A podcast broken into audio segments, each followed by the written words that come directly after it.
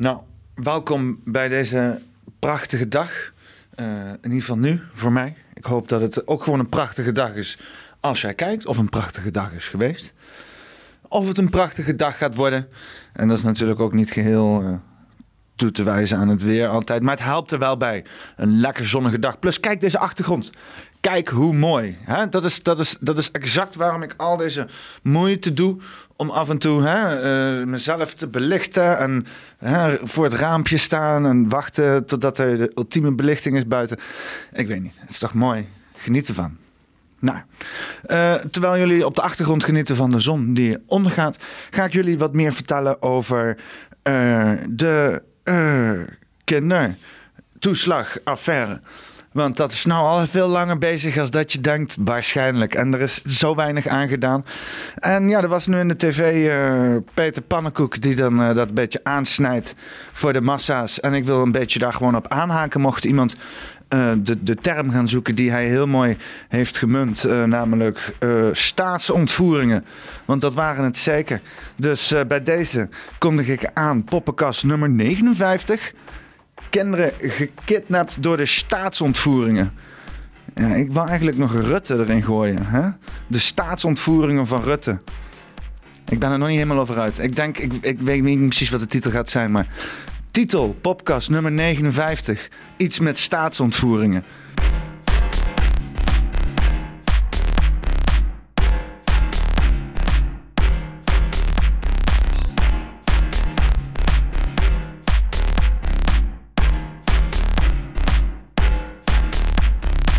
Oké, nou, eh, ik, ik heb een beetje terug zitten graven uh, in de filmpjes op YouTube. En uh, ik kan me voorstellen dat er natuurlijk al veel eerder zaken gaande waren. Maar in 2017 kwam in ieder geval Farid Azarkan van Denk met ja, toch wel de volgende aantekeningen in een van de technische briefings, als ik het goed begrijp. Waarbij hij het volgende zei. Van toeslag.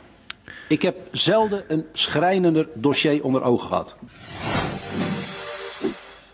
Ik neem even mee. Op 9 augustus van dit jaar kopten alle kranten over het rapport van de ombudsman aangaande de ten onrechte stopgezette kinderopvangtoeslagen. Wat is er gebeurd? De Belastingdienst heeft in 2004 ten onrechte die toeslagen bij in dit geval 232 gezinnen stopgezet. De conclusie was dat de Belastingdienst deze ouders door de ongenuanceerde aanpak in een onmogelijke positie heeft gebracht. Ze daarmee in grote financiële problemen heeft gebracht en langdurig onzekerheid tot gevolg had. Boink, de Belangenvereniging van Ouders in de Kinderopvang, heeft. Serieus, hè? Dus ze hebben een, een of andere instantie die dus inderdaad de belangen moet behartigen van ouders en kinderen. En die noemen ze dan Boink. Way to go. Ze zullen vast wel weer ambtenaren bedacht hebben. Het over desastreuze gevolgen. En geeft in een brief aan dat het niet om 232, maar dat dat gemakkelijk om een factor 100 meer aan ouders gaat. En zij stellen dat het dagelijks spreekuur al tien jaar lang gedomineerd wordt door problemen met de Belastingdienst aangaande de kinderopvang. Voorzitter, uh, de werkwijze was de omgekeerde wereld. Pas... Ik die gozer er schek hebben ernaast staan. Wordt een van de, uh, van de grootste schandalen in de afgelopen decennia's wat betreft overheid wordt hier aangekaart. En deze gozer hier, deze, deze snels hier, zit hier gewoon een beetje lekker, lekker te glimlachen en zo. Nou, goed, goed bezig maat, goed bezig. Staat er goed op zo terugkijkend in het verleden. Na het stopzetten van de kinderopvangtoeslag vroeg de Belastingdienst om bewijzen. Daarnaast werden de ontvangen toeslagen voorgaande jaren teruggevraagd.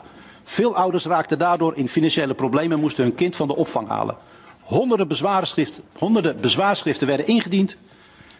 Wederom hier door de Belastingdienst niet juist op gehandeld. Men had niet gerekend op deze bezwaren en het duurde voor een groot deel van de bezwaren tot twee jaar om ze af te handelen. Ruim over de wettelijke termijn heen. Meer dan 50% van die groep mensen werd in het gelijk gesteld. Uiteindelijk bleek 75% van de toeslagen onterecht ingetrokken te zijn. Nou, hè, dus uh, 2000, uh, wat is het? Uh, even kijken, staat eronder hier. Hè.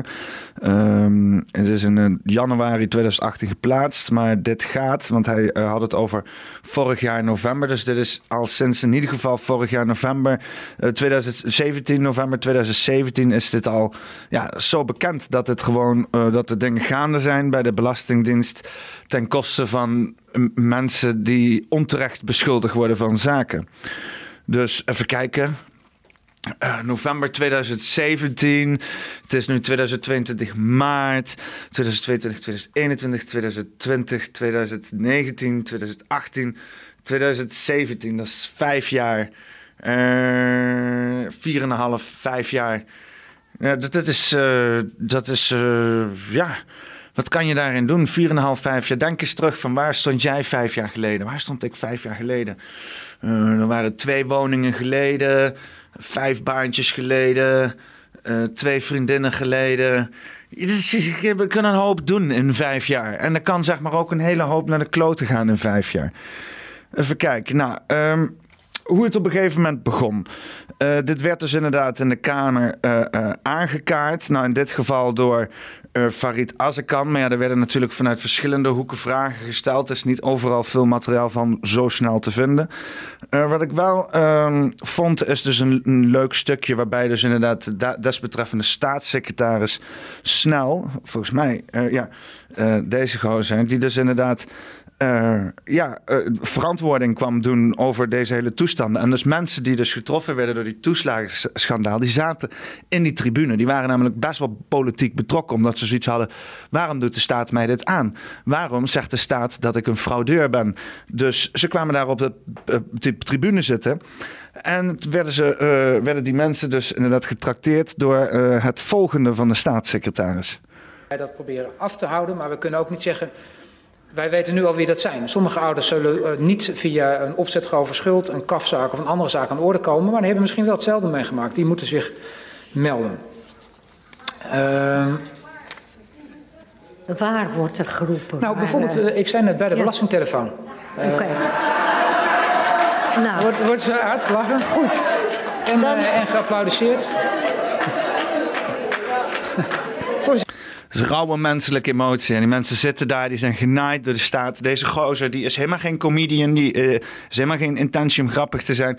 Maar die weet daar een stukje mensen die miserabel zijn en genaaid zijn door dezelfde instantie waar hij nu staat, toch te vermaken met zijn clownerij. En hij heeft het zelfs niet door. Dat is het hele probleem. Hè. We hebben clowns in deze parlement en ze hebben het zelf niet door. Ze staan elke dag een make-up op te maken en uh, doen hun clownerij en worden uitgelachen en snappen niet waarom ze niet begrepen worden. En je weet het wat het is, hè? Waar clowns zijn, wordt een circus opgevoerd. Voorzitter, ja? ik wist niet dat ik, eh, maar blijkbaar maak ik dan toch een, uh, een wrang grapje. Uh, want de ouders hebben het idee dat dat niet. We hebben daar een mail. Nou goed, laat ik zo zeggen. Ik neem dit, dit signaal meteen weer terug naar de mensen die daar verantwoordelijk zijn. We hebben echt uitgebreide scripts neergelegd van mensen die eens gebellen. Die krijgen een nummer, die kunnen dat ook melden. En als het op een of andere manier niet goed gebeurt, dan moeten we daar wat aan doen. Uh, uitgebreide scripts, hè? scenario's, dingen die wij kunnen bedenken dat mensen hebben. Wij anders gewoon luisteren naar mensen, kijken wat mensen echt daadwerkelijk gaan hebben. Nee, nee, nee, nee, nee, we maken wel een scenario. Dan denken we voor mensen wat hun denken. nou ja, dan uh, uh, hoe is dat dan afgelopen, zeg maar? Hè? Dat vraag je dan wel af. Ik vond het een enorm eervolle taak om ruim twee jaar lang de functie van staatssecretaris van Financiën te mogen vervullen. Maar vandaag komt daar een einde aan en daar heb ik vrede mee. Dank u, voorzitter. Dank u wel. Dank u wel. Tweede zo. Kamer, en zo hoort het ook. Voor nu schors ik de vergadering. Zo makkelijk, hè? Weet je? De vergadering van de Tweede Kamer. Zag je hem glitchen trouwens? Voor de mensen die luisteren. Nu je ziet schors ik de vergadering. De vergadering van de Tweede Kamer vette, is op dit moment geschorst. Je ziet de vette glitch inderdaad op het moment uh, dat hij zijn spullen pakt. Het is een matrix, hij is een hologram. Maar ja, je ziet dus inderdaad hoe makkelijk het is. Hè? Oh ja, oké, okay, doei, doei. Oké, okay, je bent verantwoordelijk geweest voor een grootste uh, schandaal in, uh, in, de afgelopen decennia. Maar ik peer hem er snel tussenuit. Nou, de eerste rat heeft dus het schip verlaten. Hè? En daar zitten ze, de gedupeerde mensen. Die zitten ook allemaal zo van, ja, nou, lekker dan. Hè? Um, dit was, uh, even kijken, december 2019. Dus ja, dat was een beetje aan het begin van de pandemie. Hè. Mensen die, die praten allemaal over, uh, ja, wat zullen we zeggen? Virussen. Ik kan me voorstellen dat deze mensen als zoiets hadden... jongen, die overheid die kan me hoge vlaag sprinten... maar die kunnen me uh, lekker de reet lekken. Dus ik kan me niet eens voorstellen hoe deze mensen in de pandemie hebben gezeten. Ik kan me voorstellen dat deze mensen onder andere op het Malieveld stonden... onder het mom van uh, stek maar lekker in deze overheid. Ik hoop dat die mensen in ieder geval daardoor een plekje hebben gevonden, want... ja, uh, zo uitgekotst worden uh, door ons systeem, dat is natuurlijk vreselijk. Dus even kijken. Ja, er werd dus uh, minister Snels, of minister Snel, snel afgetreden. Hou je. Er zijn wat vragen gesteld in het, in het kabinet. Kamervragen. Op een gegeven moment is er dan toch maar een commissie opgesteld. Hè? Um, een, uh, een parlementair ondervragingscommissie. En we zien hier mevrouw Van Leijten en Wiebes, uh, Wiebe, Wiebe, Wiebetje, Wiebertje, Wiebes, Wiebes een gesprek hebben met elkaar over ja, al deze zaken. Zullen we eens even een stukje luisteren? Ik zeg niet dat het kwade opzet is, maar het is toch ergens weten ze toch dat dat kan, omdat de staatssecretaris en wellicht ook uw de, de, de directeur-generaal op andere dingen letten? Of omdat iedereen denkt, ja, het, het zijn toch wel fraudeurs. Ja, maar je gaat niet iets. Je gaat niet schade toebrengen omdat je denkt dat een DG op iets anders let. Ik denk niet. Ik denk gewoon niet. Maar het is. Uiteindelijke oordeel is aan deze commissie. Maar ik denk niet dat er krachten aan het werk zijn geweest die dachten we gaan eens even lekker anderen beschadigen. Dat geloof ik niet. En dus ergens mee wegkomen is niet het punt. Voor mij is de. de... Maar ergens mee wegkomen is niet het punt. Maar het is wel erg fijn als je ergens mee wegkomt. Hè? Als je een dader bent van iets en je komt ermee weg, denk je, nou, dat is fijn. Wezensvraag. En ik loop er al een, een, een jaar mee rond en zonder goede verklaring. Het is vreselijk dat deze minister al een jaar rondloopt met de vraag van... Oh, oh, hoe kan het toch dat dit is gebeurd? Hoe kan het toch? Hè? Vooral geen actie ondernemen, vooral rondlopen met de vraag. Ondertussen worden de kinderen afgepakt van de mensen die zo ver benadeeld zijn door de toeslagenschandalen. Die zoveel terugvorderingen hebben gekregen onterecht dat ze niet meer weten waar ze het moeten zoeken. Totale toegang zijn gewijzigd tot bepaalde services. Ja, Hè, maar Wiebes, Wiebes loopt rond met een naargevoel. Och, och, wat hebben we toch medelijden met je. Hoe heeft dit kunnen gebeuren? Ik heb maar een paar armzalige uh, verklaringen in de aanbieding. En ik heb ook maar een paar oplossingen in de aanbieding. En ze zijn ook niet nieuw. En ook armzalig. Nee, Maar, maar ik, ik, ik haak niet aan bij die, bij die kwaaie opzet van individuen.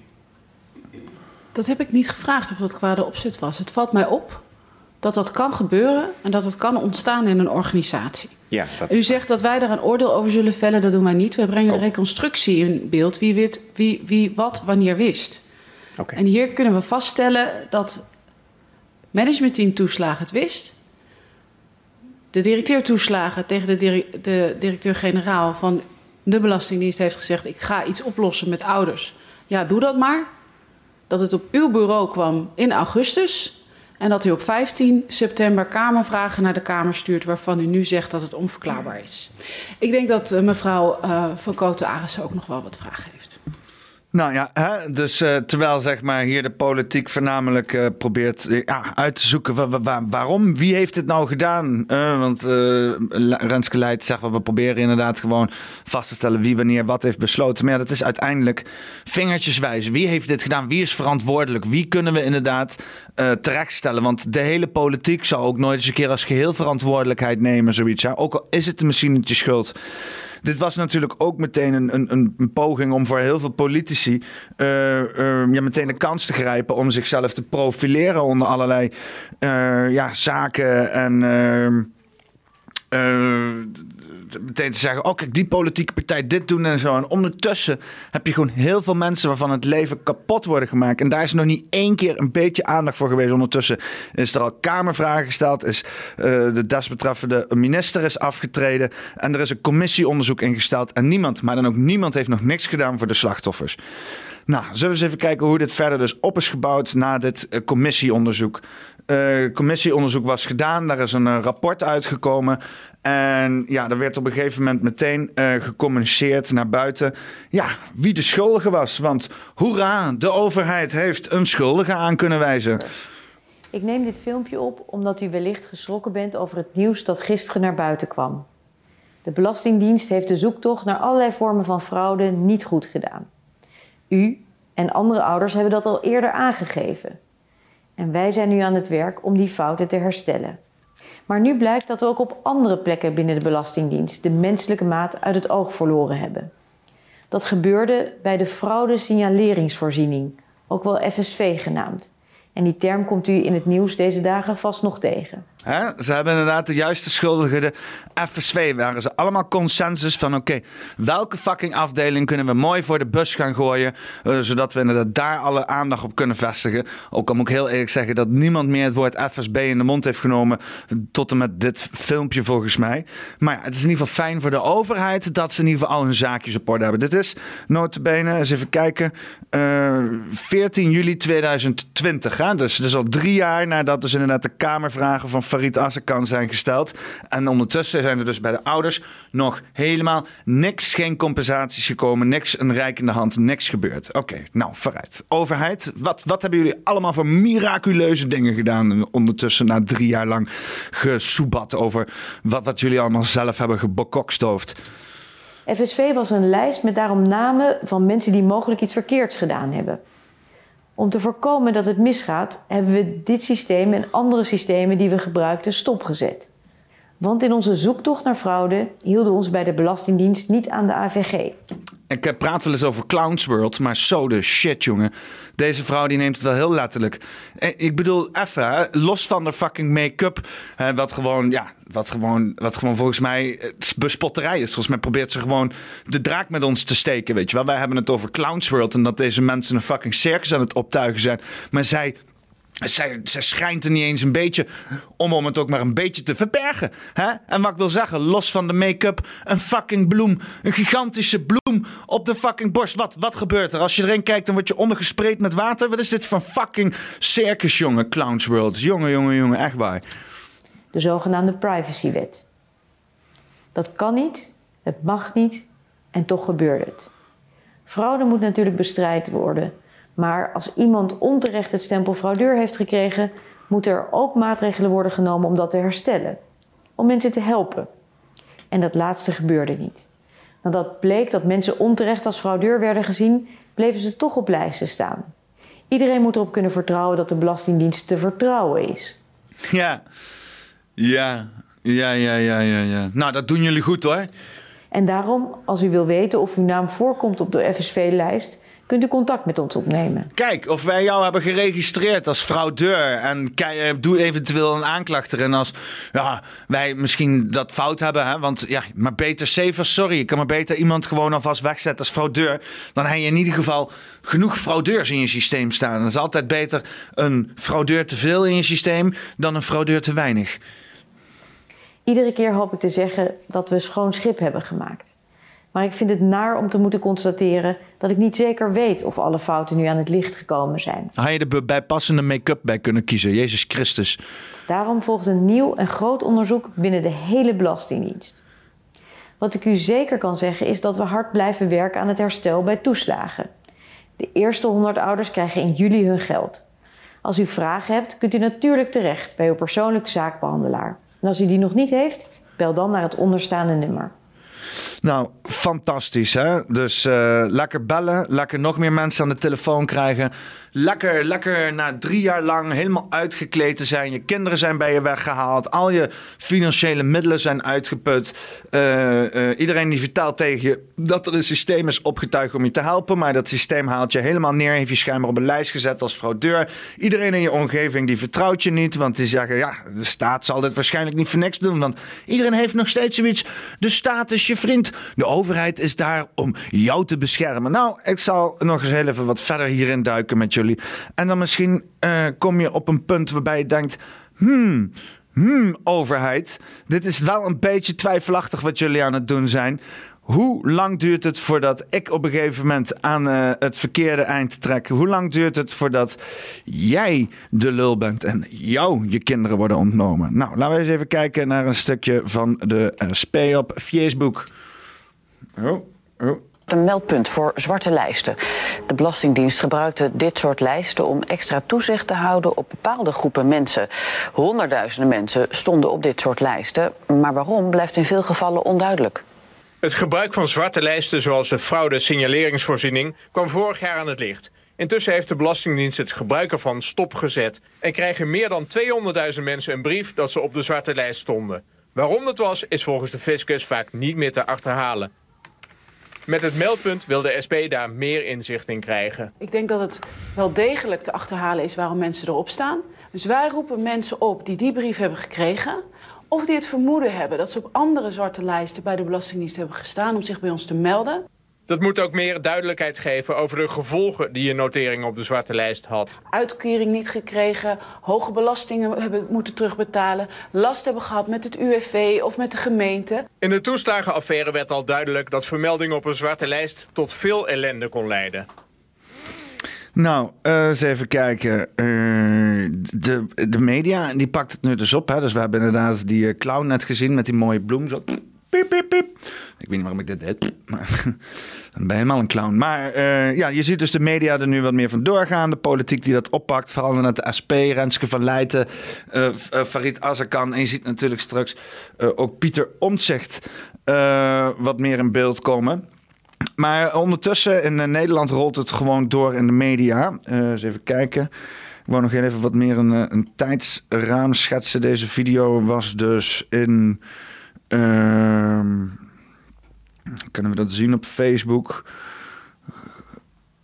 Uh, oh, 2 juli 2021. Ja, dit was inmiddels al halverwege dit jaar. Uh, video die ik nu, nu op ga zetten. Deze is van, ja, dus op de site van RTL Nieuws. Uh, dus van, in 2020, dat is dus nog een jaar daarvoor. Dus uh, wat je dus net zag, uh, oproep van Renske Leijten op Facebook, is nog inderdaad een jaar nadat deze video komt. Dus zo zie je dat nog hoe traag dat proces is. Hier hebben we nog steeds, hebben we het nog steeds over die media-aandacht die er gaande was. Naar aanleiding van die officiële constatering dat dus de FSB. zeg ik dat goed? Dat het de FSB is? Want het klinkt als een of andere Stasi-partij. um, Uh, dat is inderdaad deze fraudedetectie-eenheid, uh, uh, FD1, nou ja, ik weet niet. Dat die dus inderdaad die zwarte lijsten met iedereen gedeeld hadden. En ja, we kregen gewoon eigenlijk dat jaar alleen maar bovenop de hele pandemie te horen van wat voor een effect dat had gehad op de burgers. Maar niet iedereen had daar heel veel aandacht voor. Dit is in ieder geval een stukje uit RTL Nieuws. Uh, ik doe hem heel even zo laten zien. Dan weet ik in ieder geval zeker dat ik veilig zit met rechten. Denk bij mij jarenlang. dit, dit zijn toeslagen die jarenlang uh, ontkend zijn. Of ja, niet gegund zijn aan iemand. Of teruggevorderd zijn. Uh, ja, dan moet er ergens wel een punt zijn van... hé, hey, we moeten nu bij deze personen gaan kijken. Misschien na een jaar. Misschien na een paar maanden. van, nou, is dit wel valide? Is het wel echt?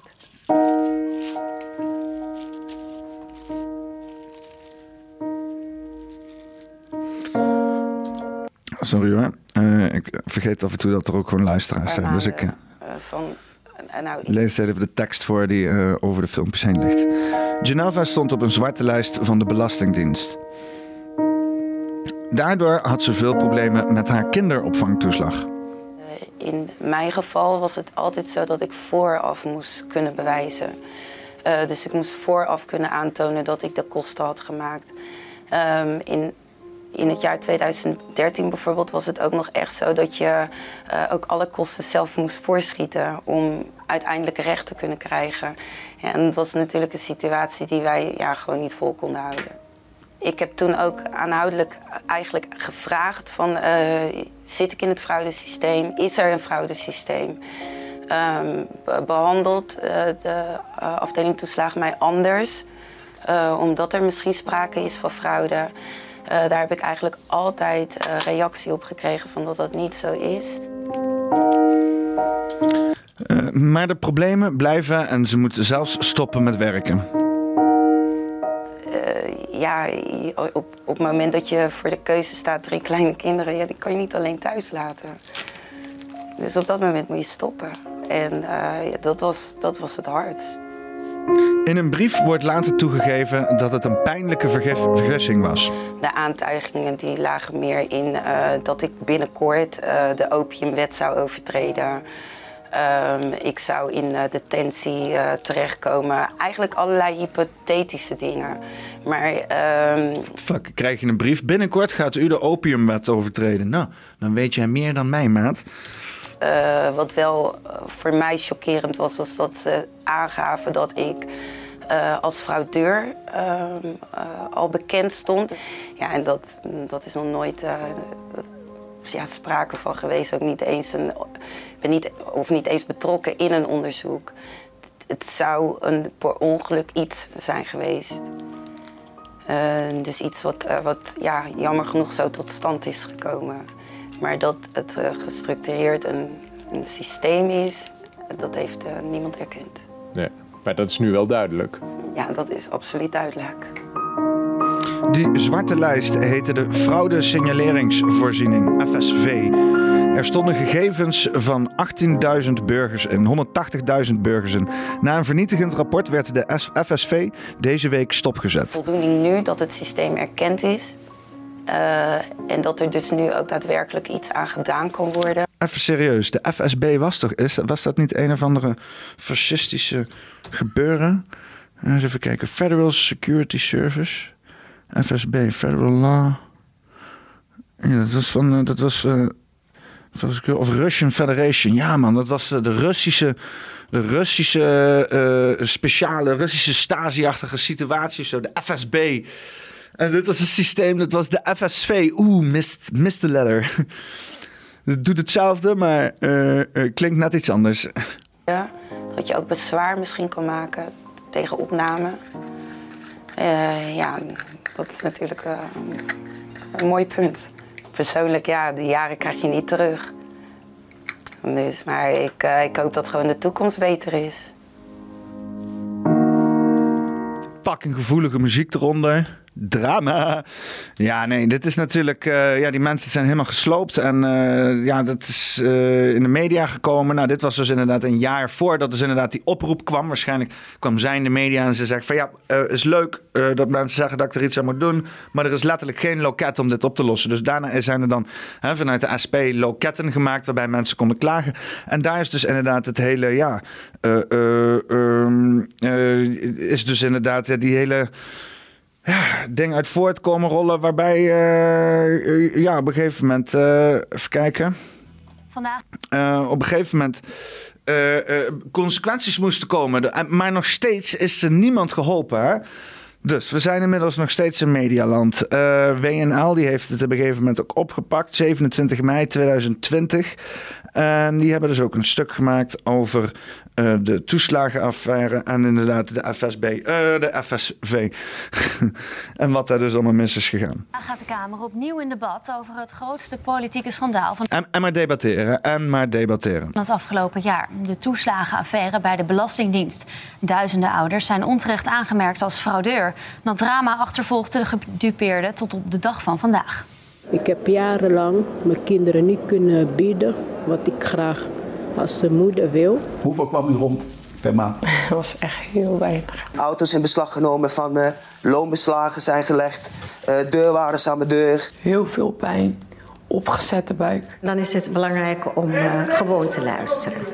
Zei de mevrouw, we weten niet, maar u hebt stress. Ik hoop dat dit gewoon wel rechtgetrokken wordt. Zeker voor mij en voor alle gedupeerde ouders. Dat was het ergste geweest. Dat je gewoon gezien wordt als een fout persoon. Mensen die een baan kwijtraken, die soms letterlijk ziek worden. U bent er al jaren mee bezig. Waar gaat u vandaag op inzetten? Nou, um, deze staatssecretaris heeft gezegd dat er een compensatieregeling komt. Uh, ouders van de CAF 11-zaak die hebben um, eind vorig jaar compensatie gekregen. Maar al die andere ouders die wachten nog. Dus dat, dat, is, dat is de zaak waar, waar, we het nu over hebben. Dat was de eerste zaak waarmee ik heel lang bezig ben geweest die het lostrok. Hm. En toen bleek het om een veel grotere zaak te gaan en er veel meer ouders te zijn. Dat is punt 1. Punt 2. Ik wil weten wat er nou gebeurt bij de Belastingdienst. Uh, u heeft de antwoord op die Kamervraag van mij gezien en het onderzoek van RTL en Trouw. Als kennelijk beloofd wordt aan ambtenaren dat ze allemaal vrij uitgaan terwijl het jarenlang onder het tapijt geveegd is, dan wil ik weten wat er nou met al die onafhankelijke onderzoeken gebeurd is die er geweest zijn op aandringen van de Kamer. Want vaak leken die onderzoeken meer bedoeld om iets niet naar buiten te brengen, dan iets naar buiten te brengen. Een rookgordijn op te werpen. Ja, en we hebben, nou, ik heb zelf al een keer of 15 tot 20 Kamervragen gesteld. En ook gisteren kwamen er weer hele pakken papier. Wij moeten zelf ongeveer detective gaan spelen als Kamer. Dat is niet de bedoeling. Dus even, even, even in 2020, een beetje twee jaar geleden. hebben dus al een schandaal. Drie jaar lopen, weet al drie jaar dat er allerlei ouders verkeerd zijn benadeeld. Uh, deze mensen zijn alles kwijtgeraakt. Die zijn hun, uh, al hun geld, bezittingen, uh, hun werk en zelfs in sommige gevallen hun relatie en hun kinderen kwijtgeraakt. Um, zijn, eh, en dat wisten we al drie jaar geleden. Maar er wordt nog steeds gedebatteerd in de Tweede Kamer. Mensen zoals Pieter Omtzigt, die toen nog bij de CDA zaten, die worden heftig tegengewerkt. Er wordt op geen enkele manier meegewerkt vanuit het kabinet naar iets wat ook maar lijkt op een oplossing. Sterker nog, de oplossing wordt zo ver mogelijk uh, weggehouden van die ouders. Terwijl we dus zagen dat die vrouw met die grote bloem, met die clowns uh, make-up, weet je wel, mip, mip, mip, mip, die, die heeft dus gezegd dat er dus zo snel mogelijk wordt gewerkt naar een oplossing. Maar ondertussen, uh, het is de realiteit, zoals heel veel dingen met dit kabinet. Elk kabinet dat de Rutte ervoor heeft staan en het nummertje dat maakt zich niet zo uit, is eigenlijk hetzelfde. Bla bla bla doen, of bla bla bla zeggen en uh, blo blo doen. Ik weet niet, dat, dat, slaat me nergens op.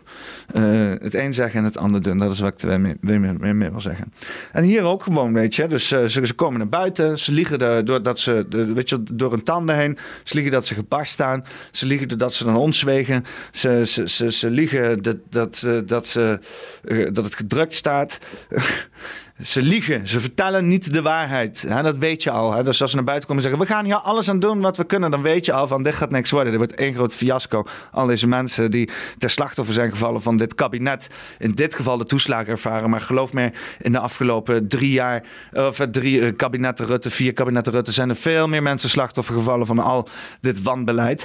Uh, maar dus in ieder geval, in dit specifieke geval, uh, met de toeslagaffaire. Je dus inderdaad mensen die naar buiten treden namens het kabinet, kabinet uh, zeggen dat ze dus de oplossing gaan bieden. Dan weet je dus hè, dat uh, er niks gaat gebeuren. Hè? Als ze naar buiten zouden komen en zeggen van ja, we hebben het verneukt en we weten niet per se de oplossing. Dan heb, dan heb je misschien zoiets van oh dit is nieuw. Hè? Ze geven ze een fout toe, maar dat doen ze niet. Ze zeggen van, oh, we hebben een aangewezen schuldige. Daar is alles naar de kloot gelopen. En maar wij, wij gaan de oplossing zorgen, weet je. Dat is het. Ze proberen dat, die schuld van zich af te drukken. En dan bijvoorbeeld de beloning van de oplossing naar zich toe te trekken. Dat is klassiek, klassieke politiek. Maar ik denk dat we nu wel door die muur heen gebroken zijn. En dat nu voor iedereen duidelijk is dat er iets heel erg misgegaan is. Heeft het te maken met onwil bij de Belastingdienst? Willen ze niet meewerken? Nou, ik, even het woord de Belastingdienst. Bijna alle belastingambtenaren kennen ontzettend hard hun best om heel netjes en heel zorgvuldig met burgers om te gaan. Hm. Er is hier een afdeling geweest in een project.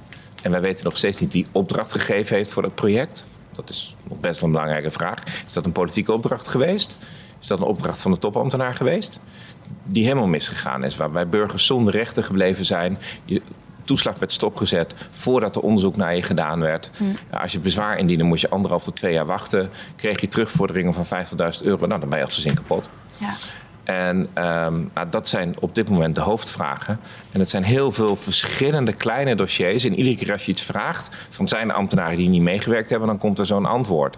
Het blijkt nu ook dat de topambtenaar zijn eigen onderzoek gedaan heeft. En dat onderzoek bleek uit dat, dat er, niks aan de hand was. Nou ja, wc-eend-onderzoek. Ja. Waarom duurt dat zo lang? Ik bedoel, jij kunt als, kamer, als Kamerlid gewoon daar toch vragen over stellen. Kan dat niet wat sneller? En wat is dan het antwoord? Nou, hier, um, ik, ik, stel iedere keer Kamervragen. Maar om je één voorbeeld te geven. Ik heb Kamervragen gesteld in de week voordat de lockdown begon.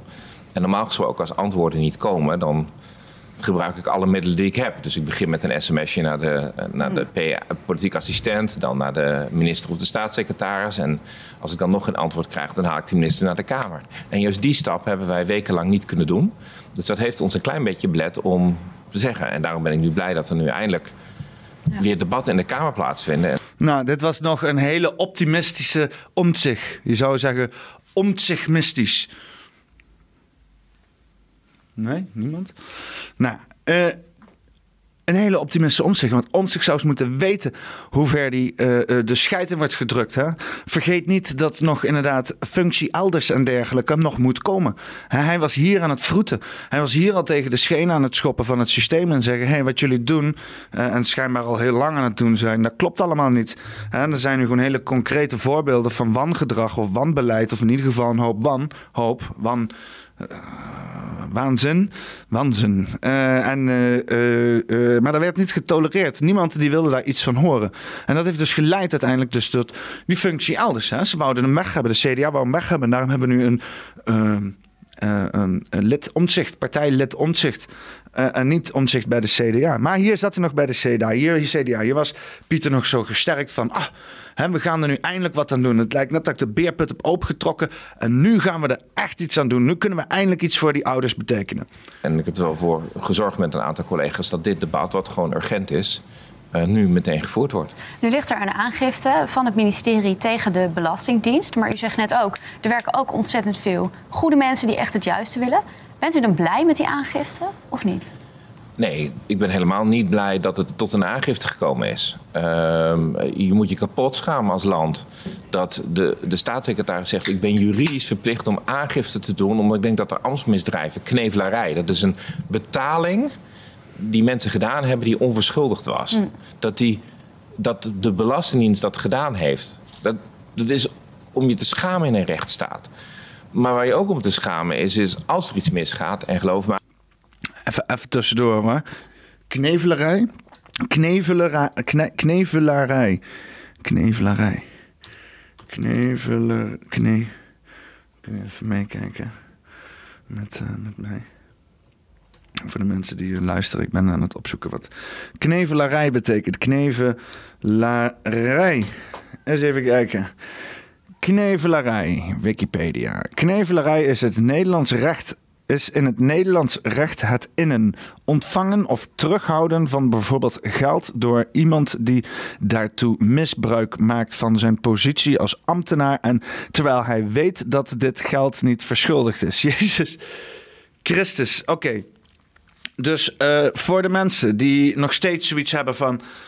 Ja, maar de overheid is er toch om de, om, de, om de burger te dienen. We moeten gewoon kunnen vertrouwen op de overheid. Als ik voor iemand stem, dan gaat hij gewoon in ieder geval mijn belangen behartigen. Laten we dan heel even een moment stilstaan. Dat er in het Nederlands vocabulaire een woord bestaat voor het innen, ontvangen of terughouden van bijvoorbeeld geld door iemand die daartoe misbruik maakt van zijn positie als ambtenaar en terwijl hij weet dat dit niet, dat geld niet verschuldigd is. Knevelen, knevelen, knevel, knevel, knevelarij is een voorbeeld van ambtsmisdrijf. Dus het is een heel specifiek woord voor een specifieke ambtsmisdrijf. Daar hebben wij gewoon een apart woord voor. En ja, Jezus Christus, uh, hè, Pieter Omtzigt, die weet dat gewoon. Knevelarij, dat is het gewoon. En tuurlijk gebeurt dat. Anders is er fucking geen woord voor. Dus mensen moeten nou gewoon eens even wakker worden. En zien van dat de overheid uiteindelijk corrumpeert. als je niet genoeg het systeem aanpakt, ververst, corruptie eruit houdt. Want corruptie eh, eh, is niet zeg maar vermeden door bepaalde dingen. Weet je wel, bepaalde.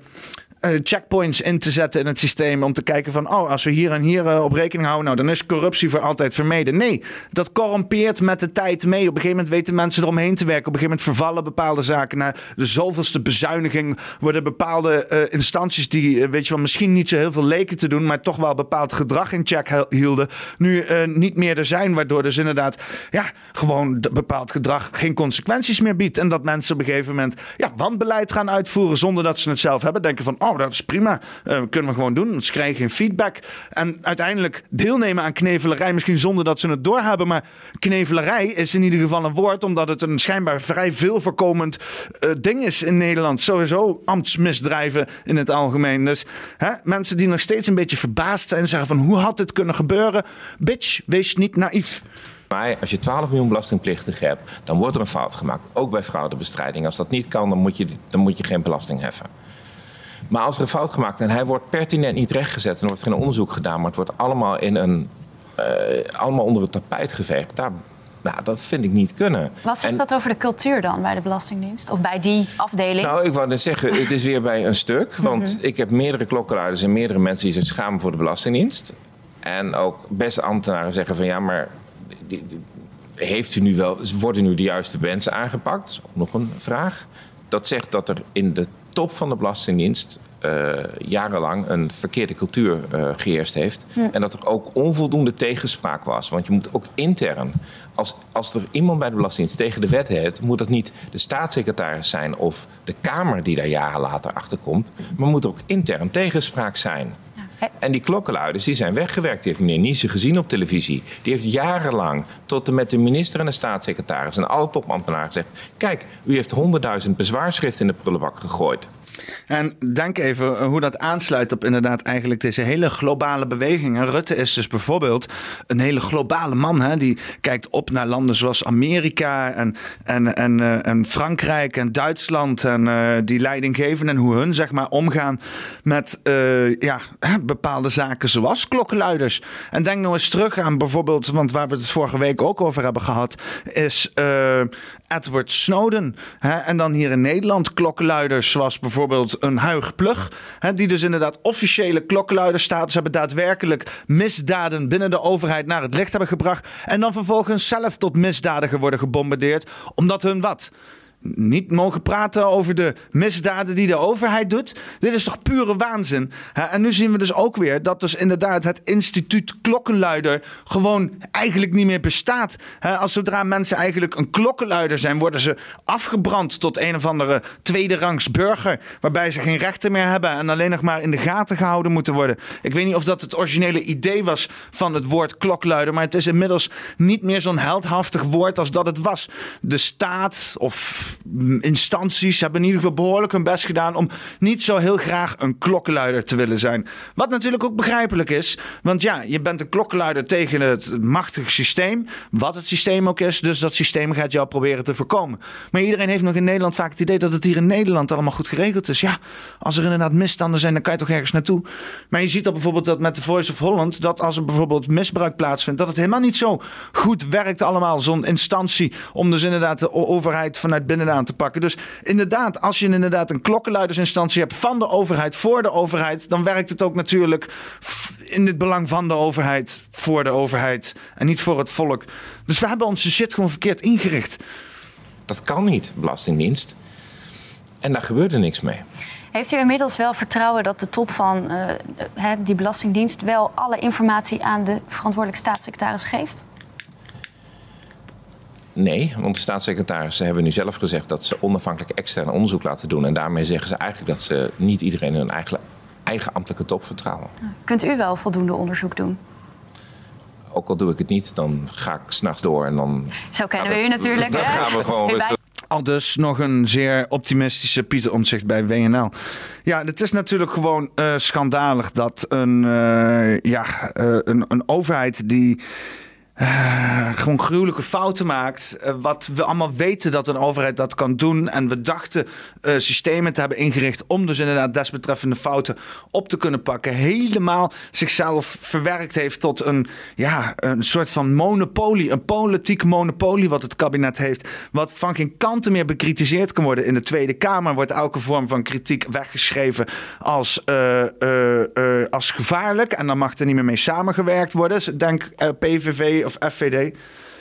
Sorry dat ik een boer laat, maar uh, dit is geen livestream. Maar bij het ministerie van Politiek Geneuzel, waar ik altijd over politiek heb, dan laat ik mijn boeren vrij uit. Omdat de politiek van vandaag dat verdient. Die verdient niet de fatsoenlijkheid van een even weggekapte boer, maar gewoon een volle boer in je oer. Dus luisteraars, deze is niet voor jullie, deze is voor de politiek in Nederland. Maar. Uh, uh, uh, het is natuurlijk gewoon uh, schandalig dat er, uh, dat er gewoon op deze manier uh, niks tegen gedaan kan worden. Ik ben ook mijn hele gedachtegang kwijt waar ik net mee bezig was. De boer die het allemaal afleidde. Nou ja, je hebt in ieder geval, uh, wat ik zei, inderdaad nog hier nog een, een zeer optimistische Pieter Omtzigt. Uh, die inderdaad uh, ja, WNL nog vecht. ja, in Nederland werd er op een gegeven moment ook een documentaire uitgebracht. De documentaire heet Alleen tegen de staat. Ik ga die niet helemaal met jullie kijken hier. Dat is, uh, dat is natuurlijk gekke werk. Uh, maar ik wil wel wat kleine dingetjes eruit vissen. Want er waren wel wat mooie stukjes die ik, uh, ja, die ik eigenlijk kon waarderen. Dit zijn tien vrouwen die dus inderdaad moeders zijn. En die zijn ja, gewoon genaaid door de staat in deze toeslagenschandaal.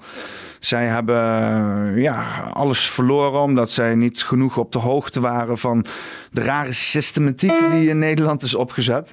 Uh, NPO 2 Doc heeft daar een documentaire over gemaakt. Nou, ik wil even een paar dingetjes erbij pakken. Uh, twee, twee dingetjes, eentje op um, ehm, 26 minuten. Moet ik heel even die player van, van, van NPO's niet, niet heel ideaal. bij YouTube kan je mooi slepen en dan weet je precies hoe het allemaal werkt. Hier is het allemaal niet zo, zo handig. Eens even kijken. ja, we zitten hier ergens in de buurt. Ik wou het bij 26 doen. Uh, volgens mij is het hier.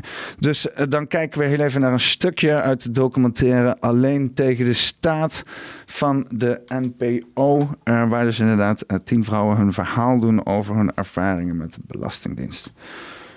Depressie, vermoeidheid, vergeetachtigheid. Tandenknarsen, de helft van mijn gebit mist. Door de stress en de spanning, gehoorverlies nu. er komt eh, allemaal het gevolg van stress en het niet uiten van stress. En uh, waardoor ik ook gewoon heel bang ben geworden dat ik ieder moment dood neer kan vallen of een hele erge ziekte krijg. Dus ik ben eigenlijk de hele dag bezig met. Ik weet niet eens met wat. Ja, Nederlanders, klinken jullie dat niet erg uh, bekend in de oren. het is niet normaal dat je je zo voelt, maat.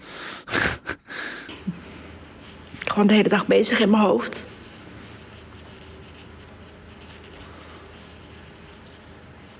En ik kom geen stap verder. Nou, ik werd zieker. Ik, ik vroeg om hulp. Um, die kwam niet. Uh, ik had op een gegeven moment, ik kon het huishouden niet meer doen. Ik kon niks doen. Toen heb ik op een gegeven moment heb ik de GGD gebeld. Van, uh, kunnen jullie me helpen met de huishouding? Want het lukt niet, ik heb een kind in huis, dit, dit, dit gaat zo niet langer. En uh, toen zijn ze bij me thuis geweest. Toen zei ze, ja, het is allemaal niet zo heel erg. En uh, kwam op een wachtlijst terecht. En nou, de maanden verstreken, er gebeurde verder niks. En op 5 februari 2019 moest ik op school komen. En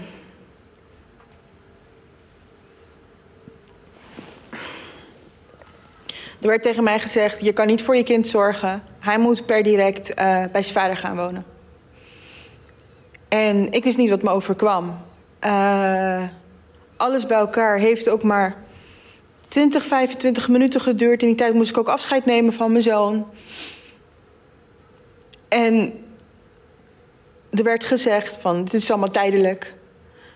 Uh, hè, als jij je zaakjes op orde hebt, uh, financieel gezien, komt hij weer terug.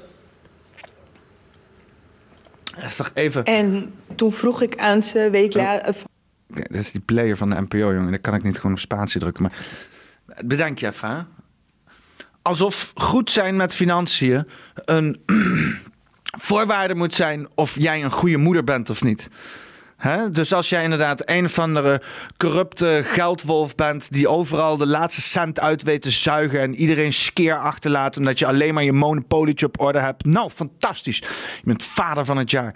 Maar als jij een moeder bent uh, die inderdaad eigenlijk niet zo geeft om geld en al die cijfertjes en al die zorgen, maar gewoon goed wil zorgen voor een kind en vervolgens volledig wordt uitgekleed door de staat omdat een of andere fucking ambtenaar jou op een lijst heeft gezet waardoor zo'n beetje elke gemeente, instantie, overheidsinstantie ziet als een fucking fraudeur, ja, dan ja, Fuck het. Maakt niet uit dat jij een goede moeder bent, dat jij een liefdevol persoon bent. Jij hebt je financiële middelen niet op orde. Dus jij dient niet meer in de buurt te zijn van je kind. Is toch godverdomme onze morele waarde. De morele waarde van dit kabinet, wat doorgecijpeld is in het ambtenarij. Knevelarij is godverdomme nog een understatement. Ja? Dit zijn gewoon ambtenaren die gewoon de voedsoldaten in gang hebben gezet om mensen hun leven zuur te maken. Dan is het wel niet inderdaad de financiële middelen zodanig uitputten van deze mensen, zodat ze inderdaad iemand op de stoep krijgen die hun spullen komt vorderen. Dan is het wel niet een of andere kinder, uh, uh, een of andere ambtenaar van de kinderbescherming die jou gewoon je kinderen komt ontnemen. En wat heb jij gedaan? Je formuliertjes niet goed ingevuld. Omdat jij een paar formuliertjes niet hebt goed ingevuld, komen ze nu je kinderen bij je weghalen. Komen ze nu je spullen ophalen. Dat is de realiteit voor 150.000 Nederlanders hier in Nederland.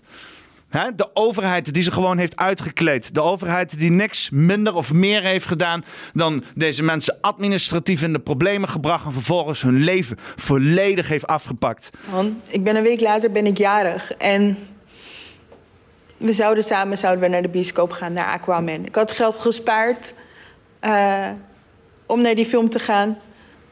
En uh, een dag voor mijn verjaardag werd ik gebeld door Veilig Thuis. En die zeiden: We vinden het beter dat jullie elkaar voorlopig even niet zien. Want hij moet wennen aan de situatie bij zijn vader nu. En ik dacht: Wat is dit nou? Dit is niet, niet de afspraak. En een maand later. Het was de dag van de schietpartij in Utrecht in de tram. Belde ik mijn zoon op. Ik zei tegen hem: Je moet voorzichtig doen in het openbaar vervoer. En ik werd verdrietig, want je wil je kind altijd beschermen. En ik kon al niks meer. En toen s'avonds stond er geen, geen foto meer bij zijn WhatsApp. En ik dacht: wat is, wat, wat is hier aan de hand? En toen bleek dus dat ze hadden besloten dat ik hem ook niet meer mocht spreken. En in de tussentijd was ik bezig met een traject. Uh, dat heet Ouderschap Blijft. Ik moest weer in contact met zijn vader en alles moest goed gaan. En moest een ouderschapsplan gemaakt worden, alsof ik een hele slechte moeder was. En. Mijn oudste zoon is agressief geworden. Want. Uh die heeft ook uh, hulp gehad. Ik wou nog even... Die bleef heel sensitief te zijn. Ik wou nog even verder gaan naar een uh, ander stukje inderdaad, wat mij opviel. Uh, dus even kijken, 45. 45. Eens even kijken. Hier zo. Hier zo. Hier zo. Hier zo. 43, 44. We zijn er bijna. We zijn er bijna. Oké. Krijgen. Ze kunnen allemaal doodvallen. Maar dat hoeft niet in die. Uh... ik heb echt uh, hele erge verwensingen gingen er door mijn hoofd. Ik hoop echt dat ze allemaal de tering krijgen en allemaal doodvallen. Dat hoop ik.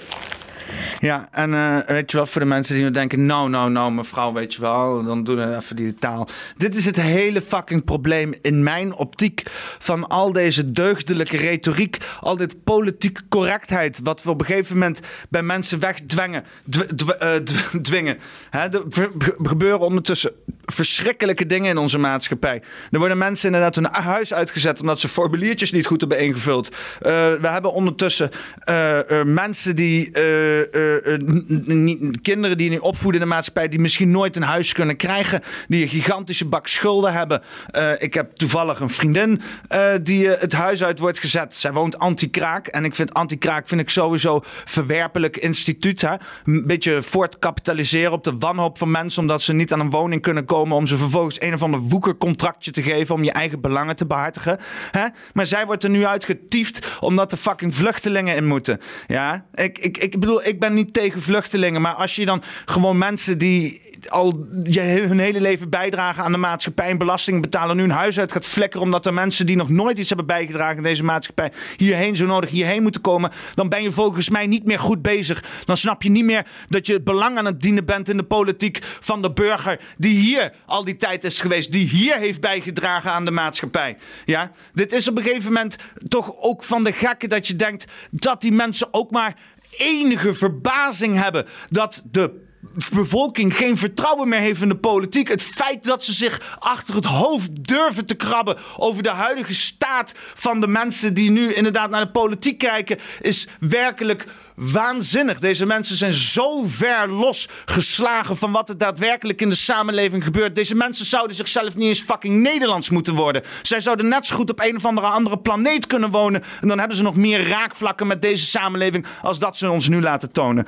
En deze vrouw, haar woede, wat zij nu uit hè, en het haat wat zij voelt, dat moet geïnternaliseerd worden. En deze hele deugdelijkheid en politiek correcte cultuur en wokeness en weet ik veel wat er maar niet. Om ons allemaal voor de tere zieltjes te uh, behoeden. Nee, dit weerhoudt ons ervan om onze echte emoties uh, te uiten. Om als de fucking stront aan de knikker is, een keer te, aan de bel te kunnen trekken en gehoord te worden. En al deze mensen die lopen te janken omdat ze voor, door het verkeerde voornaamwoord worden aangesproken. Of omdat ze niet het juiste vlaggetje mogen zwaaien.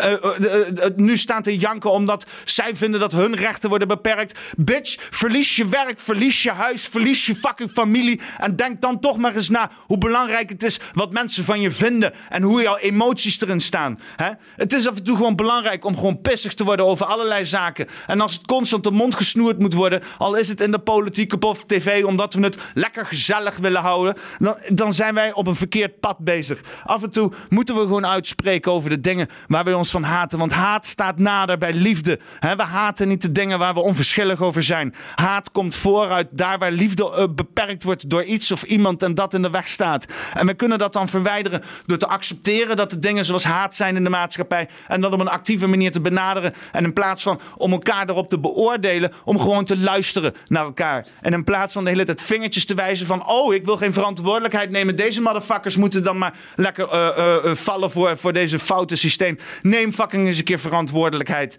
Hè? In plaats van gewoon af te treden en weg te wezen, zeg gewoon: het is allemaal fout gegaan en ik ga de komende twee jaar deze shitstorm aan. Maar dat zie je nooit in de politiek. Dat zie je niemand nooit doen. Ja, Pieter Omtzigt. Ja, Pieter Omtzigt heeft het gedaan. Hè? En die wordt inderdaad uitgekotst door de hele politiek. Want dat is inderdaad waar ons kabinet nou is. Maar ja, ik weet niet wat ik daarmee bereik. Dat geeft, uh, het wakkert allemaal haat aan in me. Weet je, ik haat ze gewoon. Haten jullie ze niet dan? God, voor wat een teringleiers zeg. Oh my god, ik haat ze echt allemaal. Maar ik ben geen hater. Ik heb nooit mensen gehaat. Ik heb nooit iets gehaat. Maar ik sta op het punt in mijn leven dat ik alles en iedereen haat. En ze kunnen allemaal doodvallen. Allemaal. Maar dat hij niet meer hoeft na te denken daarover. Dat hij niet meer hoeft na te denken dat hij mij ik, uh, ik, ik vond dat inderdaad gewoon. Ik vond het gewoon, uh, ik vond het gewoon heerlijk. En ze zei van ik hoop dat het er hier niet in komt. Ik ben blij dat ze het er wel in hebben gedaan. Want het is, het is gewoon krachtig. Want je hebt al het recht om deze mensen te haten. Hè? En het feit dat ze niet, dat het geen gezicht heeft, dat niemand echt eens een keer uh, heeft gezegd: sorry, ik heb dit laten gebeuren. weliswaar indirect, maar dat is een bijkomstigheid geweest van een bepaald beleid wat we hebben hier gevoerd of iets dergelijks. En proberen we structureel aan te passen. Hè? Want hier uit deze hele discussie met de dat commissiedebat kwam dus inderdaad het woord de Rutte-doctrine. En de Rutte-doctrine en uh, het nieuwe bestuurscultuur wat moest komen. Nou, wat is daarvan over? Exact hetzelfde kabinet. Dezelfde motherfucking spelers die dezelfde fucking praatjes hebben. En nog steeds tot op de dag van vandaag geen fuck hebben gedaan aan de fucking uh, toeslagenaffaire. Nou, eens even kijken. Die documentaire is op een gegeven moment uitgekomen. Pieter Omtzigt die werd op een gegeven moment wat uh, actiever in de media. Die ging op een gegeven moment wat harder drukken. Uh, dus Van deze drie concert... Uh, waarbij hij dus inderdaad in de Kamer nu op een gegeven moment toch wel ja, liet zien dat hij de, de, het einde nabij was. Teringen van de parlementaire onderzoekscommissie waren de hardste die de CDA-fractie gezien heeft in onderzoeken en enquêtes in de Kamer van de afgelopen 70 jaar. De rechtsstaat is in het geding. De regering heeft de Kamer ontijdig, onjuist en onvolledig geïnformeerd en dat bij herhaling. En openheid, volledigheid en transparantie waren niet de leidende principes richting de Kamer, de pers en bij het samenstellen van dossiers voor rechtbanken. Dit is meerdere gevallen ingegeven door gewenste politieke of juridische uitkomsten. Vrij vertaald, ze hebben niet de waarheid gesproken, zelfs niet bij de rechter, en ze hebben stuk in dossiers achtergehouden. Om ervoor te zorgen dat de ouders geen gelijk kregen.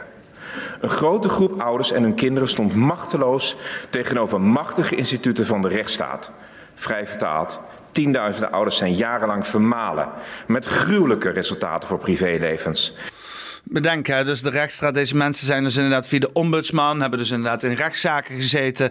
En dat is dus dit rechtssysteem, wat dus inderdaad zo pretendeert eerlijk te zijn. Dit rechtssysteem waar bijvoorbeeld Wilders tegenaan heeft geschopt en gezegd: hé, hey, ik weet niet, maar deze mensen die in jullie rechtssysteem zitten zijn erg politiek bevooroordeeld. Hè? Maar waar op een gegeven moment tegen werd gezegd tegen Wilders: jij brengt nu onze rechtsstaat in gevaar. Eh, FVD, die dus inderdaad heel erg duidelijk aankijkt: hé, hey, onze rechtsstaat, daar is helemaal, de klopt helemaal gereed van. Hè? Bijvoorbeeld een Willem Engel, die nu opgepakt is, waar, ook al was het een hele rare video, geen reet van klopt. dat hij, want waarom wordt hij opgepakt? Door tweets, huigplug, wordt hij opgepakt door tweets. Uh, wat is de fuck is hier gaande? Deze mensen zijn geen gevaar. He, zij hebben het over zaken. Als deze dingen waar zij het over hebben zo bullshit is, zo complotachtig, waarom de fuck is het dan een gevaar? Deze dingen, deze mensen zijn een gevaar omdat zij door de staat worden uh, uh, gesnoerd, de, door de staat de mond worden gesnoerd. de staat wil de onderwerpen waar zij over praten, dat er niet over wordt gepraat als dit, zeg maar, deze onderwerpen waar deze mensen over praten, hè, of het dan wel niet is uh, uh, inderdaad uh, bepaalde zaken die dus inderdaad in ons juridisch systeem niet kloppen. als dat niet zo is, dan kunnen we daar toch gewoon een onderzoek naar doen en dan is dat niet zo. Dan, dan, dan versterkt dat toch alleen maar het vertrouwen. Maar er wordt hier constant opnieuw ontweken naar een onderzoek te doen naar onze rechtsstaat. Ook al is het duidelijk keer op keer of het nou draait om fucking Wilders, FVD, mensen die met kindermisbruik de staat aanklagen. Mensen die dus inderdaad de Belastingdienst aanklagen. Het juridisch systeem laat keer op keer zien dat het vermengd is. Vermengd is met de staat en constant eh, eh, voor zaken van het kabinet stemt. Voor het kabinet kunnen ze alles in één keer maken. De kabinet heeft de rechtsstaat enkelhandig de nek omgedraaid. En dan hebben we het over Rutte. Hè? Rutte 4, Rutte 3, Rutte 2, Rutte 1. Die hebben uh, een grip op de rechtsstaat waar, gewoon, ja, waar we niks tegen kunnen doen. Uh, dit is niet meer een losgekoppelde democratie met een tria politica. Dat is al lang niet meer gaande. Zij hebben geen enkele, maar dan ook geen enkele bescherming gehad van de rechtsstaat of haar instituties. Neemt de regering deze conclusies over of neemt ze daar afstand van? Graag een helder betoog. De ouders zijn slachtoffers geworden van een fraudejacht, waarbij de Belastingdienst illegaal wetten overtreden heeft. Ouders die slachtoffer werden van de hardheid van de regeling. En dat betekende dat bij een kleine fout zij 10.000 euro moesten terugbetalen. En het was tegen, tegen de uitleg van de landsadvocaat in, zeg ik tegen de heer Dijkhoff, die in proportionaliteit had aanbevolen in 2009. De Belastingdienst verschool zich achter de brede rug van de rechtspraak en de rechtspraak, en de rechtspraak keek niet in de dossiers wat een rechtsstaat. En tienduizenden burgers kregen het stempel fraudeur. Dat kwam in alle systemen. Het werd hen niet verteld, maar ze, vonden, ze ondervonden destructieve gevolgen. Geen betalingsregeling, gedwongen verkoop van woning, van auto's, verlies van baan, geen VOG en soms verlies van gezondheid van kinderen en erger, voorzitter, ik durf het niet allemaal op te sommen. En in 94% van de gevallen, 94% van de gevallen weten we niet meer waarom dat gebeurd is. Hoe zo rechtsstaat. En dan nu de compensatie. We hebben nu ook een compensatieregeling. Maar die verandert met de dag. Ik wil graag een tijdspad hebben. En nu een echt tijdspad, zeg ik tegen de regering, en niet zo'n fake tijdspad. Wanneer, want we verwachten er anderhalf jaar op, krijgen deze mensen hun recht? En hoe gaat het met private schulden? En voorzitter, we zouden namelijk een jaar geleden iedereen in een jaar proberen te helpen. Slechts 2% is geholpen. Er is meer geld naar de Belastingdienst gegaan naar de Belastingdienst dan naar de ouders in de compensatie. Graag ook een reactie op waarom de VNG denkt dat het niet uitvoerbaar is en wat de bewindsvoerders nu denken. Nou, uh, we snappen de geste wel het. Uh, ja, eh, Pieter Omtzigt is inmiddels ook pissig. Hè? Hetzelfde als wat ik nu achteraf had, had hij toen al. Dat hij denkt, hoezo recht staat? Er wordt hier helemaal geen recht gesproken. Er wordt hier alleen maar een, een, een beleid uitgevoerd... wat alle bewindspersonen en alle ambtenaren... die dit wanbeleid uitvoeren, in bescherming neemt. En dit heeft helemaal niks te maken meer met recht. ja, het, is, het is natuurlijk vreselijk helemaal om dit achteraf terug te zien... en om te realiseren dat ja, dit systeem waar we inleveren, deze politiek die gevoerd wordt, helemaal niet zo vriendelijk is, helemaal niet zo polderpolitiek, helemaal niet zo op de fiets aankomen zwaadje, dat dat allemaal een gigantische façade is. Het is hetzelfde als dat wij zitten te kijken naar Rusland en daar een uh, Poetin op een paard ontbloot zien door de wildernis gaan. Denken we ook, wat een fucking circus. Zo kijken andere mensen ook naar onze politiek als de premier aankomt op zijn fiets. Dat is niet gezellig en leuk. Dat is miserabele, miserabele publieke opinie vormende, misleidende manipulatieve uh, Pegasus media training technieken om dus inderdaad gewoon iedereen uh, voor het ootje te houden. Eens even kijken. Wat gebeurt er natuurlijk als er verantwoording moet genomen in kabinet Rutte 1, 2, 3, 4, uh, 100, 1234. Rutte 1234. Um, wat, wat gebeurt er dan? Wat, wat, wat is er dan? Wordt er dan, hè? Wat wordt er dan, dan gedaan? Ik, ik denk dat jullie hem al voelen aankomen. Want hè, die minister Snel die had al hè, een, een, eerste rat die het schip al verlaten. Maar uh, uh, er moet verantwoording genomen. Dus wat gebeurt er? Oké, okay, dan gaan we kijken. Goedemiddag. Een van mijn verre voorgangers als minister-president, Pieter Kort van der Linden, schreef ooit over de taak van de overheid. De staat dringt de overmoedigen terug, beschermt de zwakken, verdeelt de risico's en stelt zich in het haastige drang aan allen tot gids. Dat is een hoge norm. En het is duidelijk dat de overheid in het kinderopvangtoeslagdossier niet aan die norm heeft voldaan. Schotverdomme een understatement, of niet? He? Fucking de levens van uh, uh, 150.000 mensen verwoest. Maar nee, nee, uh, we hebben niet aan de norm voldaan. Oké, uh, ga verder, uh, Rutmeister. De rechtsstaat moet burgers beschermen tegen een almachtige overheid. En dat is hier op een verschrikkelijke manier misgegaan. Het rapport van de parlementaire ondervragingscommissie kinderopvangtoeslag is snoeihard, maar fair. Op alle niveaus, door het hele politiek, bestuurlijk, juridische systeem ja, hè? Het is wel inderdaad een fijn standpunt te nemen, want dan kan hij lekker dingen van zich afschuiven en zeggen van oeh, dit is veel groter als mij.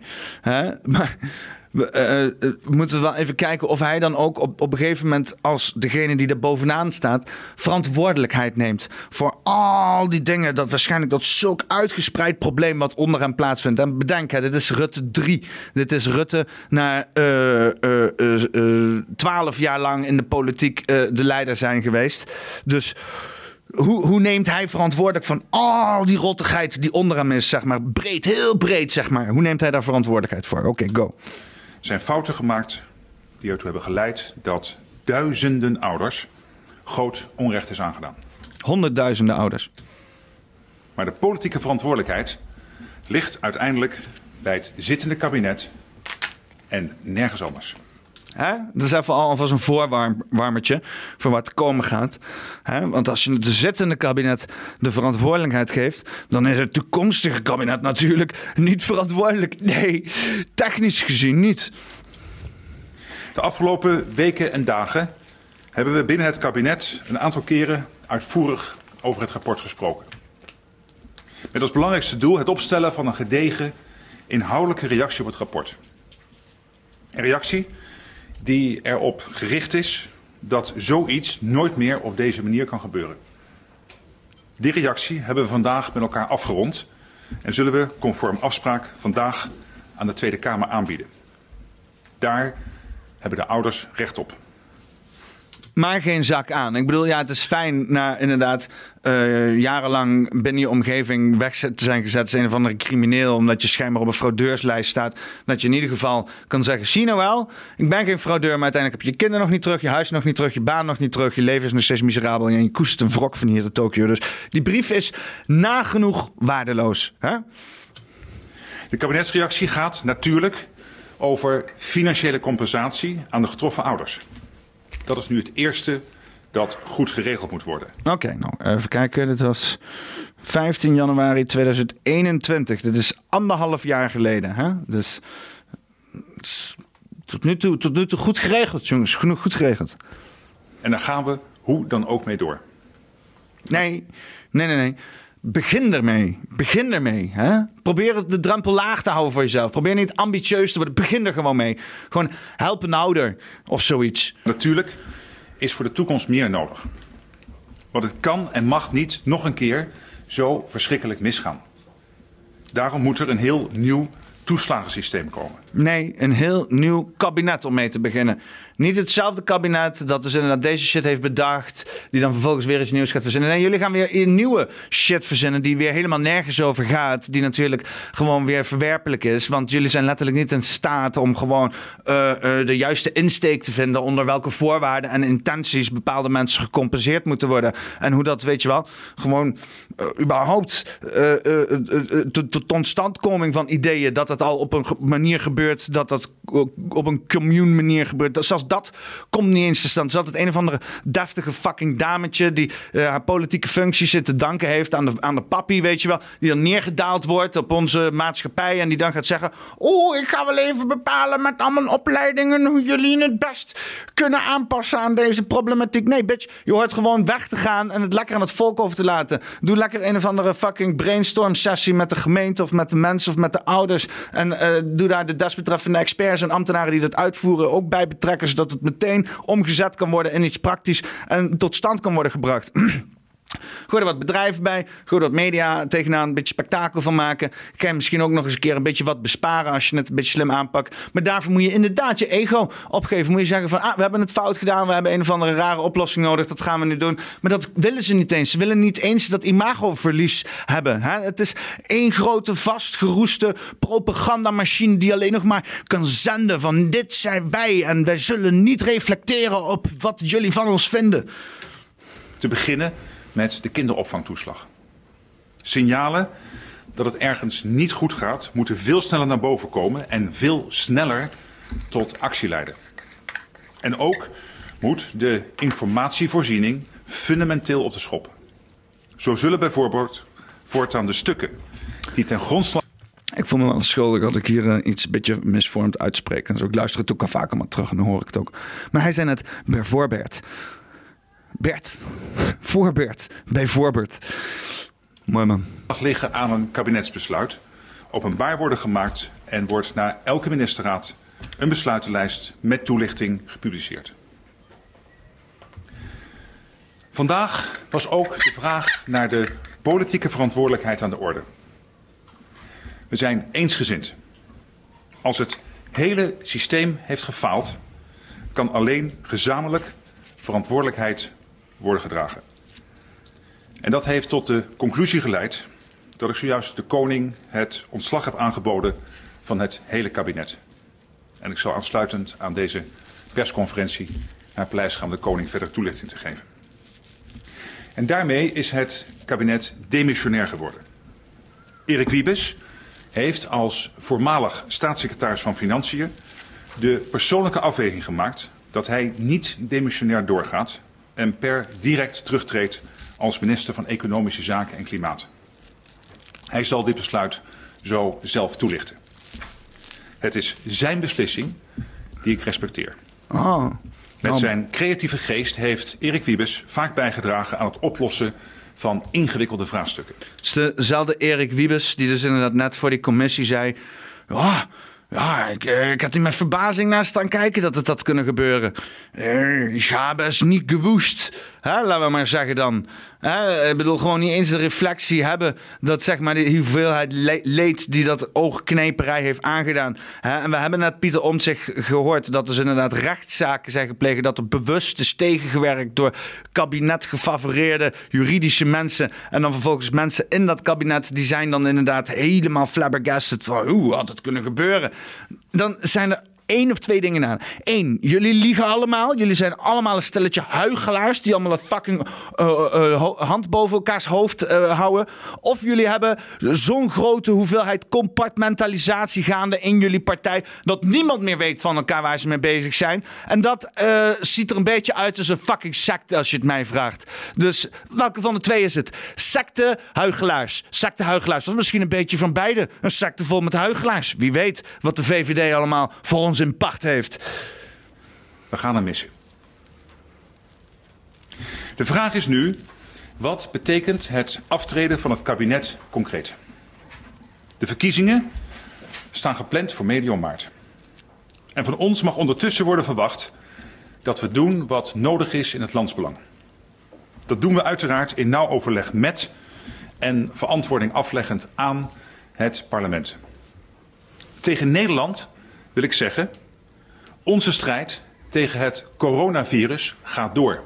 Houd je bek. Houd gewoon je vuile, gore, vieze, achterlijke, politiek gekleurde, corrupte, World Economic Forum kussende, Agenda 2030 uitvoerende, STD-likkende, mysterieus, uh, politiek ambitieuze, wat kunnen we nog meer, hexagon tekende, duivels oproepende, vijfdimensionale wezens aanbiddende, liegende mensofoob dat je er rondloopt. Want eerlijk gezegd, het interesseert je geen fuck. En je zal er geen dag, nacht, seconde minder om slapen welk fucking hoeveelheid aan mensen levens je hebt verwoest. Stuk onbenullig vreten. En ik schaam mezelf, schaam mezelf diep tot op het bot voor al die Nederlanders die blijven trappen in die trucjes, trucjes van deze fucking klaploper. Deze zogenaamde dude die het, uh, weet je wel, allemaal wel gaat fixen voor ons. Hij ligt ons allemaal op. Hij naait ons er allemaal bij. En er is geen fucking instantie in Nederland die niet inderdaad op een of andere manier daarbij betrokken is. Zijn corruptie is doorgebloed overal. Deze Rutte-doctrine, deze wegkijken, minimaal noteren, lekker, lekker vooral geen verantwoording afleggen. Hè? Lekker deze mentaliteit van aftreden, wegwezen en het uh, probleem in het verleden leggen. Dat is doorgecijpeld in alle ministeries. En als Rutte is afgetreden of is met pensioen gegaan of zichzelf naar de maan heeft geschoten of weet ik veel. Als we in ieder geval van deze klootzak af zijn, ja, dan hebben we misschien nog steeds niet het probleem opgelost. Want ik zal je zeggen, dit fucking probleem dat reikt dieper. Het is een mentaliteit van de VVD en misschien zelfs van de D66, waarbij dus de doelheiligde middelen tot een heel ander niveau is gebracht. Hè? En het, ze schamen zich er zelfs niet eens voor. Ze verkopen onze hele maatschappij, onze hele Hollandse zijn. En ze zeggen, oh, wat is de Nederlandse identiteit? Identiteit. Fuck it. Uh, we zijn overgeleverd aan alles wat de EU van ons wil. We zijn alleen nog maar een, een, doorvoerland voor andermans belangen. En wat hier verder gebeurt op de grond is verder niet belangrijk. Kijk daar, naar dat land. Daar is, daar is iedereen nog ellendiger. Kijk naar dat land waar nog iedereen ellendiger is. En kijk vooral niet naar de ellende in dit land. Want daar mag allemaal niet. Jullie hebben het veel te goed om na te denken over de ellende. Jongen, jongen, jongen, jongen, jongen. Wat een cultuurmensen. We moeten toch op een gegeven moment eens een keer onze ogen open doen en zeggen van... joh, ik weet niet, maar volgens mij is het allemaal niet zo heel koosje. Wat deze uh, kabinet allemaal aan het uitvoeren is en wat de afgelopen tijd is gebeurd. Fred Teven deal, uh, weet ik veel. Hè? Joris Demming, ik weet niet. Er is allemaal rare shit gebeurd onder Rutte. En uh, ik, dan noem ik twee dingen die me even binnenschieten. Maar er is zoveel andere shit nog fucking VVD en Rutte die momenteel nu in de oorlog alsnog fucking uh, oligarchen uh, uh, geld zitten witten wassen van Rusland zodat ze onder sancties uit kunnen komen. Weet je, het is één grote corrupte bende. Hè? Het heeft helemaal niks te maken met integriteit en morele waarden hanteren en doen wat goed is voor het volk is pure eigenbelang en politieke carrières die eruit worden gevoerd. Ten koste van 150.000 mensen die hun huis, hun leven, hun relatie, hun kinderen zijn kwijtgeraakt. Ten koste van het beleid van de overheid. Ja, uh, weet je wel. Hoe wil je daar nou nog op stemmen? Hoe wil je nou nog zeggen van laten we op de VVD of op de D66 of op de CDA stemmen? Want die hebben het allemaal zo goed gedaan. Onthoud hè, CDA ook, maar die hebben nu al flink geleden bij de, bij de lokale verkiezingen. Maar de CDA, wat de fuck? Pieter Omtzigt eruit gepest. CD, Pieter Omtzigt was CDA, CDA en de CDA wou hem functie eldersen. Nou, uh, eens even kijken. Zijn we al uh, zijn we aan het eind gekomen? Nee, even kijken. Aftreden kabinet. Nou, hè, hoe kwam dat dus in de media? Hoe er dus inderdaad uh, Phoenix, Phoenix Media Mark. Voor de mensen die denken van waar heeft dit over? Phoenix, Phoenix Media is, is een media trainingsbedrijf uit Amerika. En hebben al die VVD'ers hebben allemaal media, media training gehad bij Phoenix. Phoenix Media Training. Nou, die komen dus op met dit soort fucking onzin. En zo verlaat Mark Rutte het ministerie van Algemene Zaken. Um, er is geen kabinet Rutte 3 meer. En dat is eigenlijk symbolisch afgesloten door op de fiets te vertrekken. Eigenlijk prachtig dat het in een democratie kan, hè? Ja, je kan dat dan misschien wel prachtig vinden, maar het is natuurlijk een hele treurige dag voor de democratie eigenlijk. Dat is ook zo. Kijk je naar. Uh... Nou, duidelijk hè. Het is prachtig hè, dat het hier kan in een democratie. Maar het is ook wel een hele treurige dag voor de democratie. Deze mensen zijn fucking schizofreen. Deze verslaggeving is nu al schizofreen. Fucking 22 seconden in dit, in, in dit item en we zijn nu al full-blown schizofreen. Nou, go nu.nl. Kom met je schizofrene fucking verslaglegging. De omvang van dit schandaal, de rechtsstaat die eh, echt op alle fronten gefaald heeft. Ja, misschien moeten we maar gewoon een keer stoppen met uh, uh, de premier zo te prijzen dat hij op zijn fiets naar de koning gaat. Dat kennen we inmiddels al. Ik denk dat we nu misschien onze focus moeten verleggen op hoe dit zo gruwelijk mis heeft kunnen gaan. Ja, want dat is het. we hebben het natuurlijk over de toeslagenaffaire dat jaren heeft gespeeld. Um, ik wil gelijk een flauwe vraag stellen. In 2000, dit speelt al sinds 2014 ongeveer. Dit speelt al een hele lange tijd. Het vorige kabinet was daarbij betrokken. Nu, het huidige kabinet heeft er natuurlijk wel veel mee te maken, maar was daar niet direct verantwoordelijk voor. Waarom moet dan dit kabinet zijn politieke verantwoordelijkheid nemen? Nou ja, ik ben het er niet zozeer mee eens dat dit kabinet er niet verantwoordelijk voor is. Je kan wel zeggen, nou, Menno Snel is al een keer afgetreden. Maar je moet niet vergeten... De staatssecretaris. De staatssecretaris, sorry, de vorige staatssecretaris. Je moet niet vergeten, dit is een schandaal met, uh, van zo'n grote omvang... waarbij steeds met druppeltje bij druppeltje, stapje voor stapje... steeds meer informatie naar boven is gekomen met dank aan en een eervolle vermelding aan de journalisten van Trouw en RTL Nieuws die dit schandaal echt naar boven hebben weten te brengen. Absoluut. Um, vandaar ook dat er nu steeds meer bekend wordt. En ik mag er ook even aan toevoegen. Lang nog niet alles is bekend. Hè? Er komt nog steeds heel veel naar buiten. We weten nog niet in hoeverre. Uh, hoe groot de discriminatie en het racisme binnen de Belastingdienst is. Oh ja, ja, discriminatie en racisme. Ja, ja, dat is dan weer mooi, hè? want dan is het heel snel nageschoven. En dat zal zeker gaande zijn, want ze waren bij de FSB of de FSV of hoe het ook weer, uh, waren ze op zoek naar dus inderdaad fraudeurs. En er waren dus inderdaad heel veel buitenlandse mensen, maar ja, niet van kleur. Dat waren voornamelijk Poolse mensen, Roemenen en Bulgaren, die dus misbruik maakten van ons ja, uh, genereuze uh, toeslagensysteem. En die dus op een of andere manier helemaal niks met ons te maken hadden, maar toch wisten een toeslag wisten te frutselen en een geldstroom daarheen wisten te krijgen.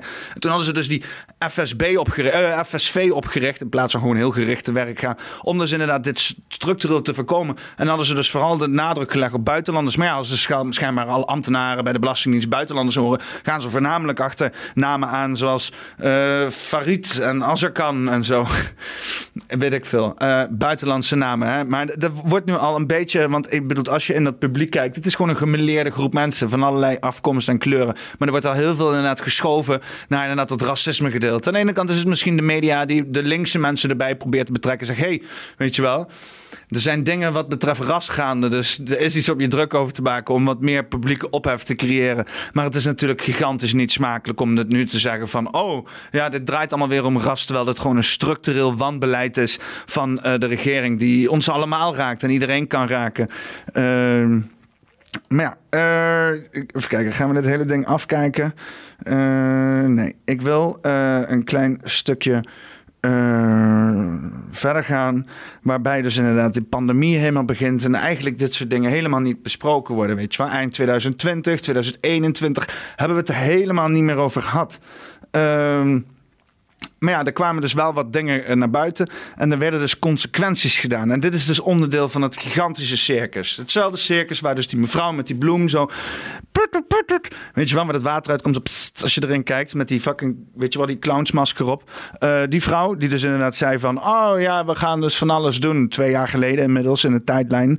Uh, dat er dus inderdaad nu stappen zijn ondergenomen. Maar ja, dit is natuurlijk een totaal circus. En Pieter Derks van dus inderdaad praatjesmakers, of druktemakers bedoel ik, op, de, uh, op Bier en Vara, dus ook de NPO. Die, uh, ja, die, die, die, die, die praten er heel even over, uh, om dus inderdaad de ja, de, de wat er gaande is over de consequenties die hier gesteld worden aan de Belastingdienst. Om dat eens heel even wat beter aan het licht te gaan uh, geven. Bericht in de krant vanmorgen, waar ik mijn hoofd al de hele ochtend over breek. De Belastingdienst krijgt een boete. Ze moeten 2,75 miljoen euro betalen vanwege onrechtmatig en discriminerend handelen in de toeslagenaffaire. Na een vernietigend oordeel van de autoriteit persoonsgegevens. Dat ze die boete krijgen lijkt me op zichzelf niet meer dan terecht. Maar wat ik al de hele ochtend probeer te snappen... wie gaat die boete nou betalen? In principe legt de overheid dus de overheid een boete op. Dus als de Belastingdienst een boete betaalt... gaat dat geld dan naar de Belastingdienst. En als ze zichzelf een boete moeten betalen... sturen ze zichzelf dan ook zo'n vage brief... waar dan staat te verrekenen of te betalen... zodat ze niet snappen of ze nou geld terugkrijgen of moeten overmaken. En zou dat misschien een ambtenaar op het idee kunnen brengen... om de krankzinnige formulering in belastingbrieven... een keer in normaal Nederlands op te schrijven? Of gaat die boete naar een andere afdeling van de overheid? En welke dan? En hoe gaat de Belastingdienst dat gat dan weer opvullen? Gaan ze een tandje strenger controleren... om de komend jaar 2,75 miljoen extra te incasseren? En doen ze dat dan weer bij mensen met een dubbele nationaliteit... zodat ze straks weer een boete krijgen? En gaat dan straks de belasting omhoog... om de boetes van de Belastingdienst te kunnen betalen... zodat gedupeerde ouders uiteindelijk straks zelf moeten betalen... om gediscrimineerd te mogen worden? Vragen. Niks dan vragen. En weinig antwoorden.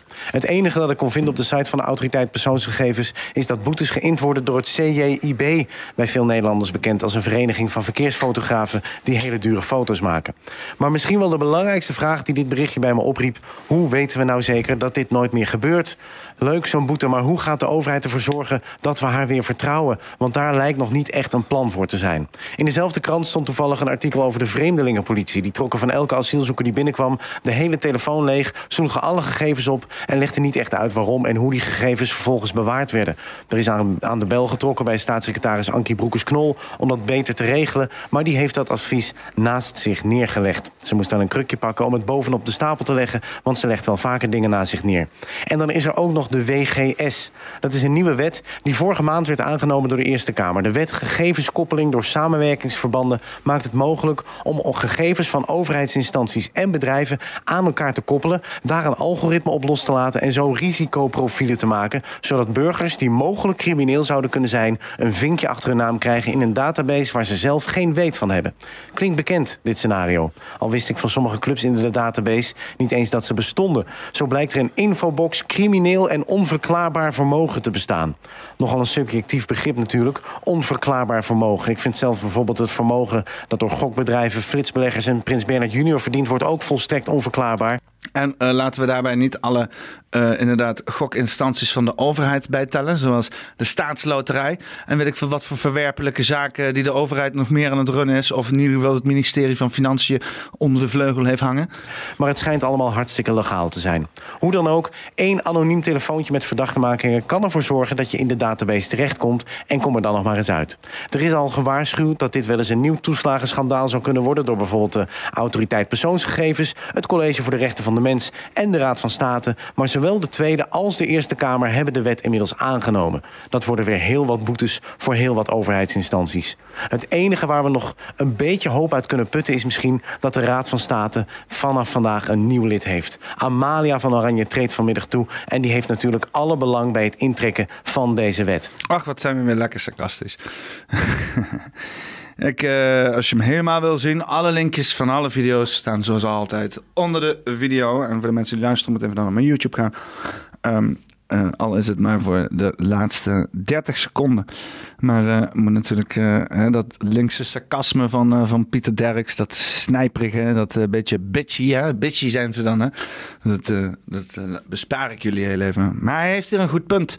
Hè? De Belastingdienst die een boete oplegt, opgelegd krijgt, de Belastingdienst hè? die inderdaad het geld krijgt van de burger en die ons belast de Belastingdienst die ons belast.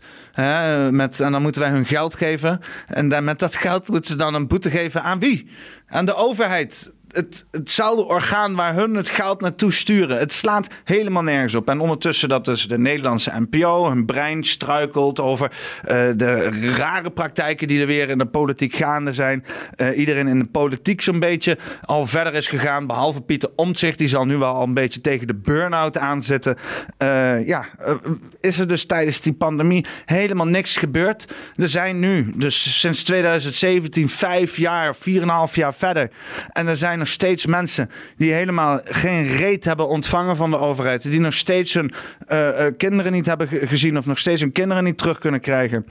En ja, dit, dit, dus een hele tijd door. En eigenlijk het filmpje wat mij dan eigenlijk toe toegeleid heeft om dit te maken. Om misschien toch wat dieper hierop in te gaan. Om dan mensen die dan misschien op zoek gaan naar YouTube. Uh, op YouTube uh, of whatever. Uh, terechtkomen en hier een mooi overzicht krijgen van wat er al die tijd is gebeurd. Voor de mensen die het totaal over hun hoofd is gegaan. Wat ik misschien begrijp, want het is belachelijk verslag gegeven. Er is een beetje raar over gedaan. En de dingen die ik je nu heb laten zien, dat is een verzameling van filmpjes van vijf jaar tijd. Dit zijn wat iets van tien filmpjes over vijf jaar tijd. Dat zijn twee filmpjes per jaar. Zoveel media coverage is hierover niet geweest. Dus ik was wel heel tevreden om te zien dat uh, Peter Pancake, Peter Pannenkoek, uh, uh, bij zijn, zijn, het fijne podium die hij krijgt bij, hoe heet dit nou ook weer? God, dit was het nieuws. dat hij dus inderdaad uh, dat uh, uh, ja, gebruikte om heel even dit probleem aan te kaarten. Voor de mensen die het nog niet hebben gezien, dit is wat hij zei. Ik kon het in ieder geval wel waarderen. Deze week, dus zat ik wel nu te denken dat wat, wat ik zo fascinerend vind, en dat is misschien wat uh, serieuzer onderwerp, maar we hebben veel ophef. Hè? Gewoon constant, ook waar we het over hadden, Siewert deze dagen. En dat is iets waar iedereen's bloed van gaat koken. En dan zo'n Pixar-ding, dan is er een lesbisch seizoen uitgehaald. Het moet weer terug. En wat ik ongelooflijk vond, uh, wat deze week maar een klein beetje nieuws is gekomen. Een paar weken geleden zaten wij bij Jinek met z'n drieën tegenover Rutte. En het ging op een gegeven moment kort over de toeslagenaffaire. En ik vroeg hoe zit het eigenlijk met die uit huis geplaatste kinderen. En daar lulde die overheen. En de volgende dag kreeg ik een bericht van een vrouw, een gedupeerde van de toeslagenaffaire. En die heb ik even aan de telefoon gesproken. En ik, ik twijfel de hele tijd of wij beseffen niet hoe erg het is. Of we beseffen het ergens wel, maar we willen het gewoon niet zien omdat het zo erg is. Maar we hebben dus gewoon in Nederland um, 1115 kinderen, minimaal, die uit huis zijn geplaatst door de toeslagenaffaire. En er zullen een paar tussen zitten die misschien altijd al in een onveilige situatie zijn, maar de grote meerderheid door die toeslagen. En die zien al jaren hun ouders niet meer. Ja. En um, het, ik vind het mindblowing dat als er morgen één kind wordt ontvoerd, staat het land in lichte laaien. Hebben we Amber Alert, zoektochten in bossen. En nu zijn er 1115 kinderen en de meeste ouders die zien helemaal... En al zes maanden, er is nog geen één kind terug. Ja. Dat, en ik snap dus niet, er wordt gezegd, er zit een team op en er wordt hard aan gewerkt. Hoe, zelfs zitten 50 mensen bij inspectie op deze zaak. Mm. Vind ik al weinig, maar die kunnen toch 50 mensen kunnen toch gewoon één kind per week terugkrijgen. Die moeten een paar interviews doen. Nou, het lijkt me niet dat die ouders zeggen: Oh, ik heb deze week geen tijd, laat het kind nog maar even zitten. Maar wat, ja, maar wat is dit voor een waanzin? Ja, dus dit intens treurig. Ja, maar het is echt, en eigenlijk zou ik het woord willen munten dat we beseffen hoe erg het is. Dit zijn gewoon staatsontvoeringen. Daar hebben we het over. Het zijn, let, het zijn ontvoeringen door de staat. Nou, die horen er dan niet bij. Mooi hoor. Ja. Ja, nou, uh, weet je wel. Dus het feit dat er dus heel veel mensen zijn die hier nog steeds ja, mind blown over zijn. Denken, hoe kan dit nou? Hoe kan dit nou gebeuren? Nou, het conclusie is, de staat kan jou in een flits alles afnemen. als jij mentaal onstabiel bent in de ogen van de staat, dan kunnen ze jou zo ergens heen werken. En dan duurt het jou een hele leven om weer geïntegreerd te worden. Als je een keer een fout hebt gemaakt en komt in het criminele circuit of je komt een keer in de gevangenis, duurt het jou een hele leven om weer te reïntegreren. En als jij de Belastingdienst ooit eens een keer een verkeerd formuliertje hebt ingevuld, duurt het je misschien wel je hele leven om weer te reïntegreren. Dit is de Nederlandse samenleving. Dit is de stress en de wanhoop waar veel mensen over praten als ze het hebben over inderdaad de zware gewicht die de, de Nederlandse staat op sommige burgers legt. er zijn burgers die het helemaal prima voor elkaar leggen. En of dat nou privilege is omdat je er goed begeleid in bent, of dat je gewoon uh, de, de juiste uh, persoon ervoor bent. Sommige mensen zijn gewoon administratief heel erg in orde. Mensen zijn gewoon heel erg punctueel. Maar sommige mensen zijn ook creatief. Sommige mensen zijn ook chaotisch. En uh, die, die kunnen het allemaal niet. Het kost mij ook enorm veel moeite om fucking administratief blij te blijven. En uh, dat ik echt denk van. Ik, weet wel, ik ben verbaal in ieder geval sterk genoeg om zo'n belastingdienst telefoon op te bellen. En dan gewoon iemands telefoonsessie helemaal op te blazen tot het feit dat ik gewoon hulp afdwing. Maar ik kan mensen, mensen die het gewoon niet begrijpen of die misschien verbaal minder sterk zijn, die, die laten zich helemaal lullen in een of ander gesprek. En moet je je voorstellen dat je dan ook nog op een fucking fraudeurslijst staat. Als ik op zo'n fraudeurslijst staat, dan weet ik ook niet of ik mezelf eraf kan. Laat staan als je niet eens verbaal sterk genoeg is. En dan is het een criminele tijd. Is het een crimi- ben je crimineel als je formuliertjes, als je allergisch bent voor formuliertjes, als je je bureaucratie of je administratie niet op orde hebt? Ben je crimineel als je niet inderdaad verbaal sterk genoeg bent om uit te leggen wat er nou precies mis is gegaan in deze fucking bureaucratische nachtmerrie waar mensen in verzeilen? Eh, Is dat crimineel? Want deze mensen worden zeker behandeld alsof ze crimineel zijn. Dus ik, ik vraag me toch wel af: hè? Is, dit, is dit het- het land waar we in willen wonen? Willen we inderdaad nog verder in de mieren neuken, nog verder regels maken, nog meer instanties oprichten? Of willen we gewoon een simpele overheid met simpele regels waar we gewoon recht toe, recht aan vragen aan de burger wat zij willen en wat ze kunnen bijdragen? En niet allemaal rare constructies en uitzonderingen op de wet, zodat mensen lekker die, die wel eh, insider zijn het doorheen kunnen wurmen, maar mensen van buitenaf niet. Nee, gewoon strikte regels. Als ze niet worden voldaan, worden die gehandhaafd. Als die wel worden voldaan, worden die niet gehandhaafd. En er zijn dan gewoon instanties die je daarmee kunnen helpen. Voor Nederlanders inderdaad hier. Waar als je inderdaad een Bulgaar bent of zo, dat je dan tegen een menselijke muur aanloopt. En ja, dat kost geld om inderdaad menselijke loketten op te richten en zo. Maar ja, je kan niet alles fucking uitbesteden aan het internet. Want dan krijg je dit soort zaken. Hè? 1150 mensen die gewoon hun kinderen zijn ontnomen. Die er misschien die daar helemaal niet, die gewoon, die gewoon niet zo goed zijn om in een formuliertje in te vullen. Sorry, je hebt het verkeerde checkboxje aangevuld. Ik moet je kind hebben. Ik eh, wil afsluiten met een, eh, een filmpje van de Belastingdienst. Het is een filmpje uit 2016. Zeg ik dat goed? Eh, ja, 2016, dus dat is zes jaar geleden. Eh, en dit is zeg maar de visie van de Belastingdienst. Want we moeten eerlijk wel toegeven dat de Belastingdienst gewoon één grote vastgelopen eh, bureaucratie is van wanhoop. En zelfs die ambtenaren die daar werken, die zeggen ook van "Eh, ik weet het allemaal niet meer. Hè? En in plaats van dat het gewoon af wordt gebroken naar een nieuw systeem, eh, een manier waarbij er gewoon wordt gekeken naar de menselijkheid en de bereidheid. En dat je gewoon een stukje, ja, weet ik veel. ehm, technologie introduceert, maar vanaf de start in plaats van de hele tijd allemaal nieuwe systemen koppelen aan elkaar. Want ik weet, ik weet precies hoe dat gaat, hoe dat door de jaren is opgebouwd. En dan hebben ze weer een deeltje met die maatschappij, en dan hebben ze weer een deeltje met die maatschappij, en die maatschappij doet weer die software installeren en die software installeren. En het is nu één grote kluwe van programma's die allemaal niet werken. En de ene afdeling die werkt daarmee, de andere afdeling werkt daarmee. En het, eh, het is allemaal één grote tyfuszooi. En dan hebben ze het een keer allemaal proberen te vatten onder een of andere paraplu. En dan is dat bedrijf failliet gegaan en wordt het overgenomen. En valt het allemaal uit elkaar. En dan zit je met een of andere eh, eh, eh, portal die half werkt, waar niemand meer wat mee kan. En dan moet het overgeschakeld worden naar een nieuw systeem. Maar er zijn onderling allemaal mensen die zoiets hebben van... ja, maar ik heb in mijn gezin om geïnvesteerd te raken in al deze nieuwe software. Het is drama. Ik snap het. Maar om dat ten koste te gaan, om dat zo ver naar de tyfus te laten lopen... totdat mensen gewoon zoiets hebben van... wat zijn we hier. Hoe ver, hoe, va, hoe ver moeten we in de stront zakken... totdat het, zeg maar, de wanhoop zeg maar, gro- groot genoeg is om te zeggen van... hé, hey, laten we het veranderen. Hè? Het is... Het is eh, en nu met die stijgende prijzen. Ik sta ervan te kijken hoeveel mensen kunnen hebben hier in Nederland. Hoeveel ons in Nederland kan ontnomen worden voordat wij de straat op gaan. En eh, hoeveel andere mensen eh, hun leven genaaid kunnen worden voordat wij de straat op gaan. En dat heeft deels te maken ook met hoe dit soort zaken, zaken verslag gegeven worden. Hè? En hoe dus inderdaad het juridisch systeem werkt ten gunste van eh, zij die dit onder de pet willen houden. Maar ja, waar ik dus even wel mee afsluit is, dat de visie van de Belastingdienst in 2016 was nog voor al deze shit, zeg maar. Maar dan wil ik in ieder geval even een soort van potentieel toekomstplaatje schetsen van waar het kan zijn. Maar dit, deze oplossing komt wel vanuit het systeem die exact deze problematiek ook voortzet hè, en heeft gemaakt. Dus moet je voorstellen dat dan deze problematiek wordt getransporteerd in het nieuwe systeem en dan alleen nog maar efficiënter wordt.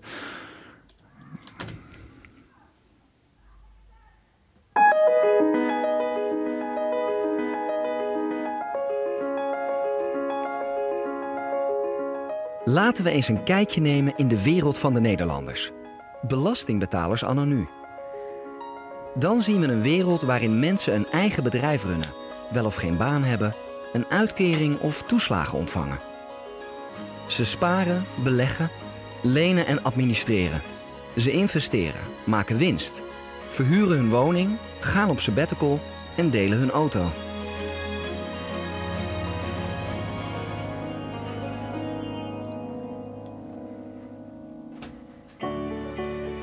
Neem Simon. Gescheiden vader, ZZP'er en trotse bezitter van een zo goed als nieuw busje van de zaak. Iemand als hij leeft en verdient volledig anders dan de druk, druk, drukke Kim. Zij werkt drie dagen per week bij de gemeente, twee dagen in haar eigen webwinkel en is zeven dagen moeder.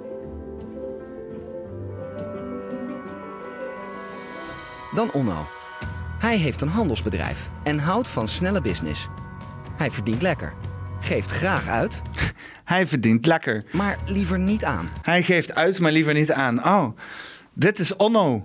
Dit is Onno, de mensen die inderdaad dan de Belastingdienst... dat soort FSB, eh, FSV-instanties zouden moeten voorop hebben gericht. Hè? Maar eh, Benno of Menno of whatever eh, verdient lekker. Die werd niet gepakt. Nee, het waren de ouders die niet zo goed eh, gingen... en niet zo lekker verdienden. Allemaal zijn ze online.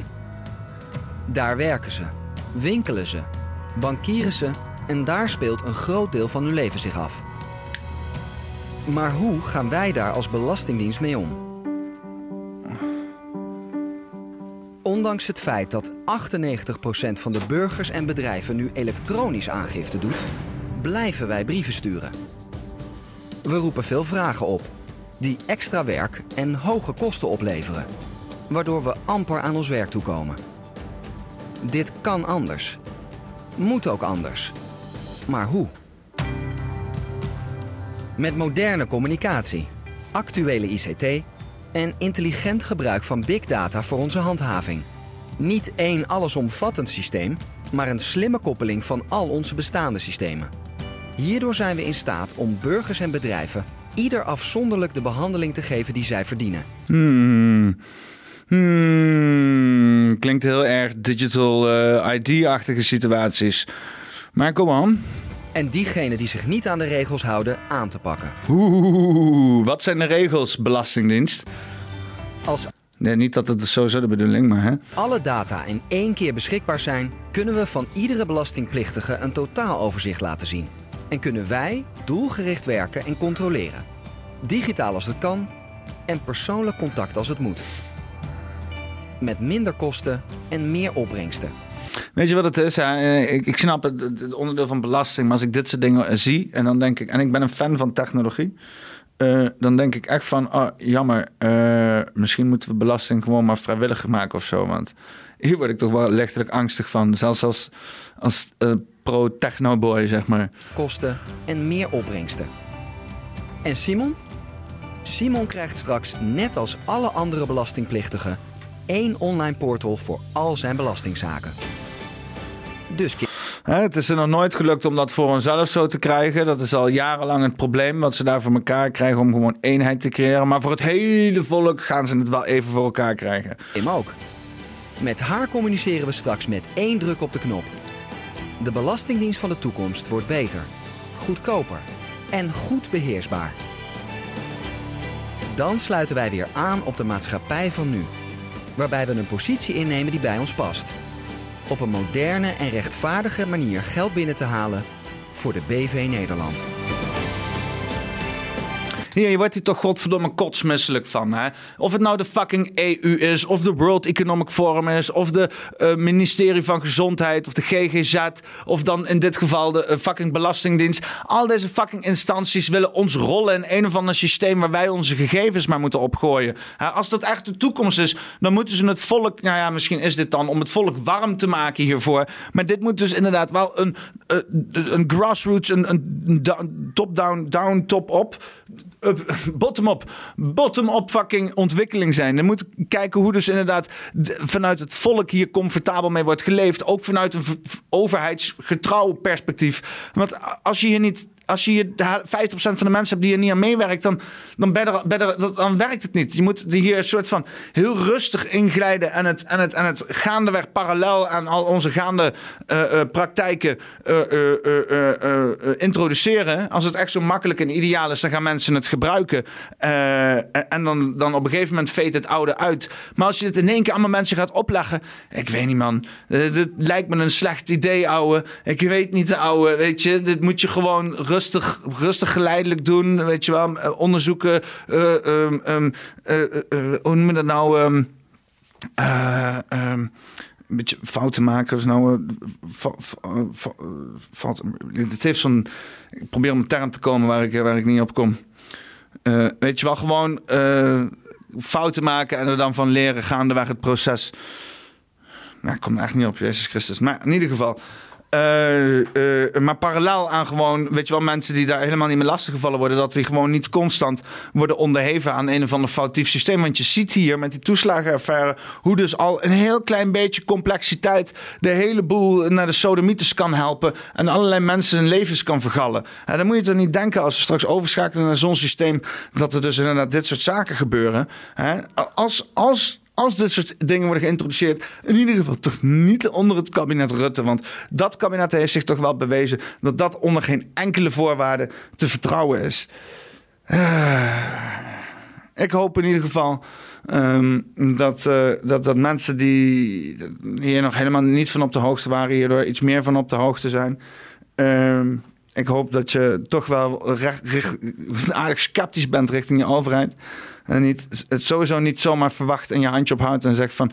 Oh, overheid, geef me geld, dat is lekker makkelijk. Nee, nee, nee, nee, nee, nee. Zo werkt het niet. Iedereen, alles kost wat. Ook het geld van de overheid. Hè? En... Um, uh, niet dat ik wil victim blamen, hè, want het is vreselijk wat de overheid doet. Want maar de overheid pretendeert dus wel altijd, als dus inderdaad bepaalde omstandigheden miserabel zijn voor mensen, dat ze altijd zeggen: Oh ja, nee, maar daar hebben we een systeem voor ingericht. En dan kan je allemaal hebben. Dan kan je overheid, we laten hier niemand vallen. Maar ondertussen word je gewoon de straat op geschopt met je kinderen. Uh, en worden die kinderen van je afgepakt. En dan kan je het lekker zelf uitzoeken. Dus dit hele sociale wat we hier hebben, dat is er al lang niet meer. En ondertussen vragen we wel maximaal veel belasting. Hè? Uh, er zit nog steeds het kwartje van kok op het gas. En uh, ondertussen, wat krijgen we ervoor terug? Geen sociaal vangnet in elk geval. Dat niet. Hè? We krijgen een hoop bedreigende bedrijven van de Belastingdienst. En misschien nog een extra aantekening op onze rekening. Dat we niet te vertrouwen zijn. Dat is wat we krijgen van de overheid.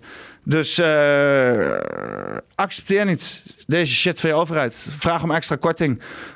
Vooral in deze tijden. Kwartje van kok moet eraf. Uh, al dit belastinggeld wordt toch verspild aan allerlei Sieberts van Linde en, en corruptie en Fred tevendeals en weet ik veel wat voor onzin de VVD helemaal voor getekend heeft. Geld witwassen voor oligarchen. Het is allemaal één grote, één grote corrupte bende. En ondertussen de zwakkeren in onze samenleving, die worden gewoon keert in, onze, in, de, in de reet geneukt. En ondertussen hebben we hier allerlei elitaire mensen lopen die lekker een politiek baantje van papi hebben gekregen. Die zeggen, oh maar jullie leven toch allemaal in het beste land ter wereld. Nee. Alleen in Hilversum denken ze dat. Dit was uh, Poppenkast 59. Uh, ik denk iets van, uh, ja, wat zullen we zeggen? Mark Rutte's staatsontvoeringen. Tot volgende week.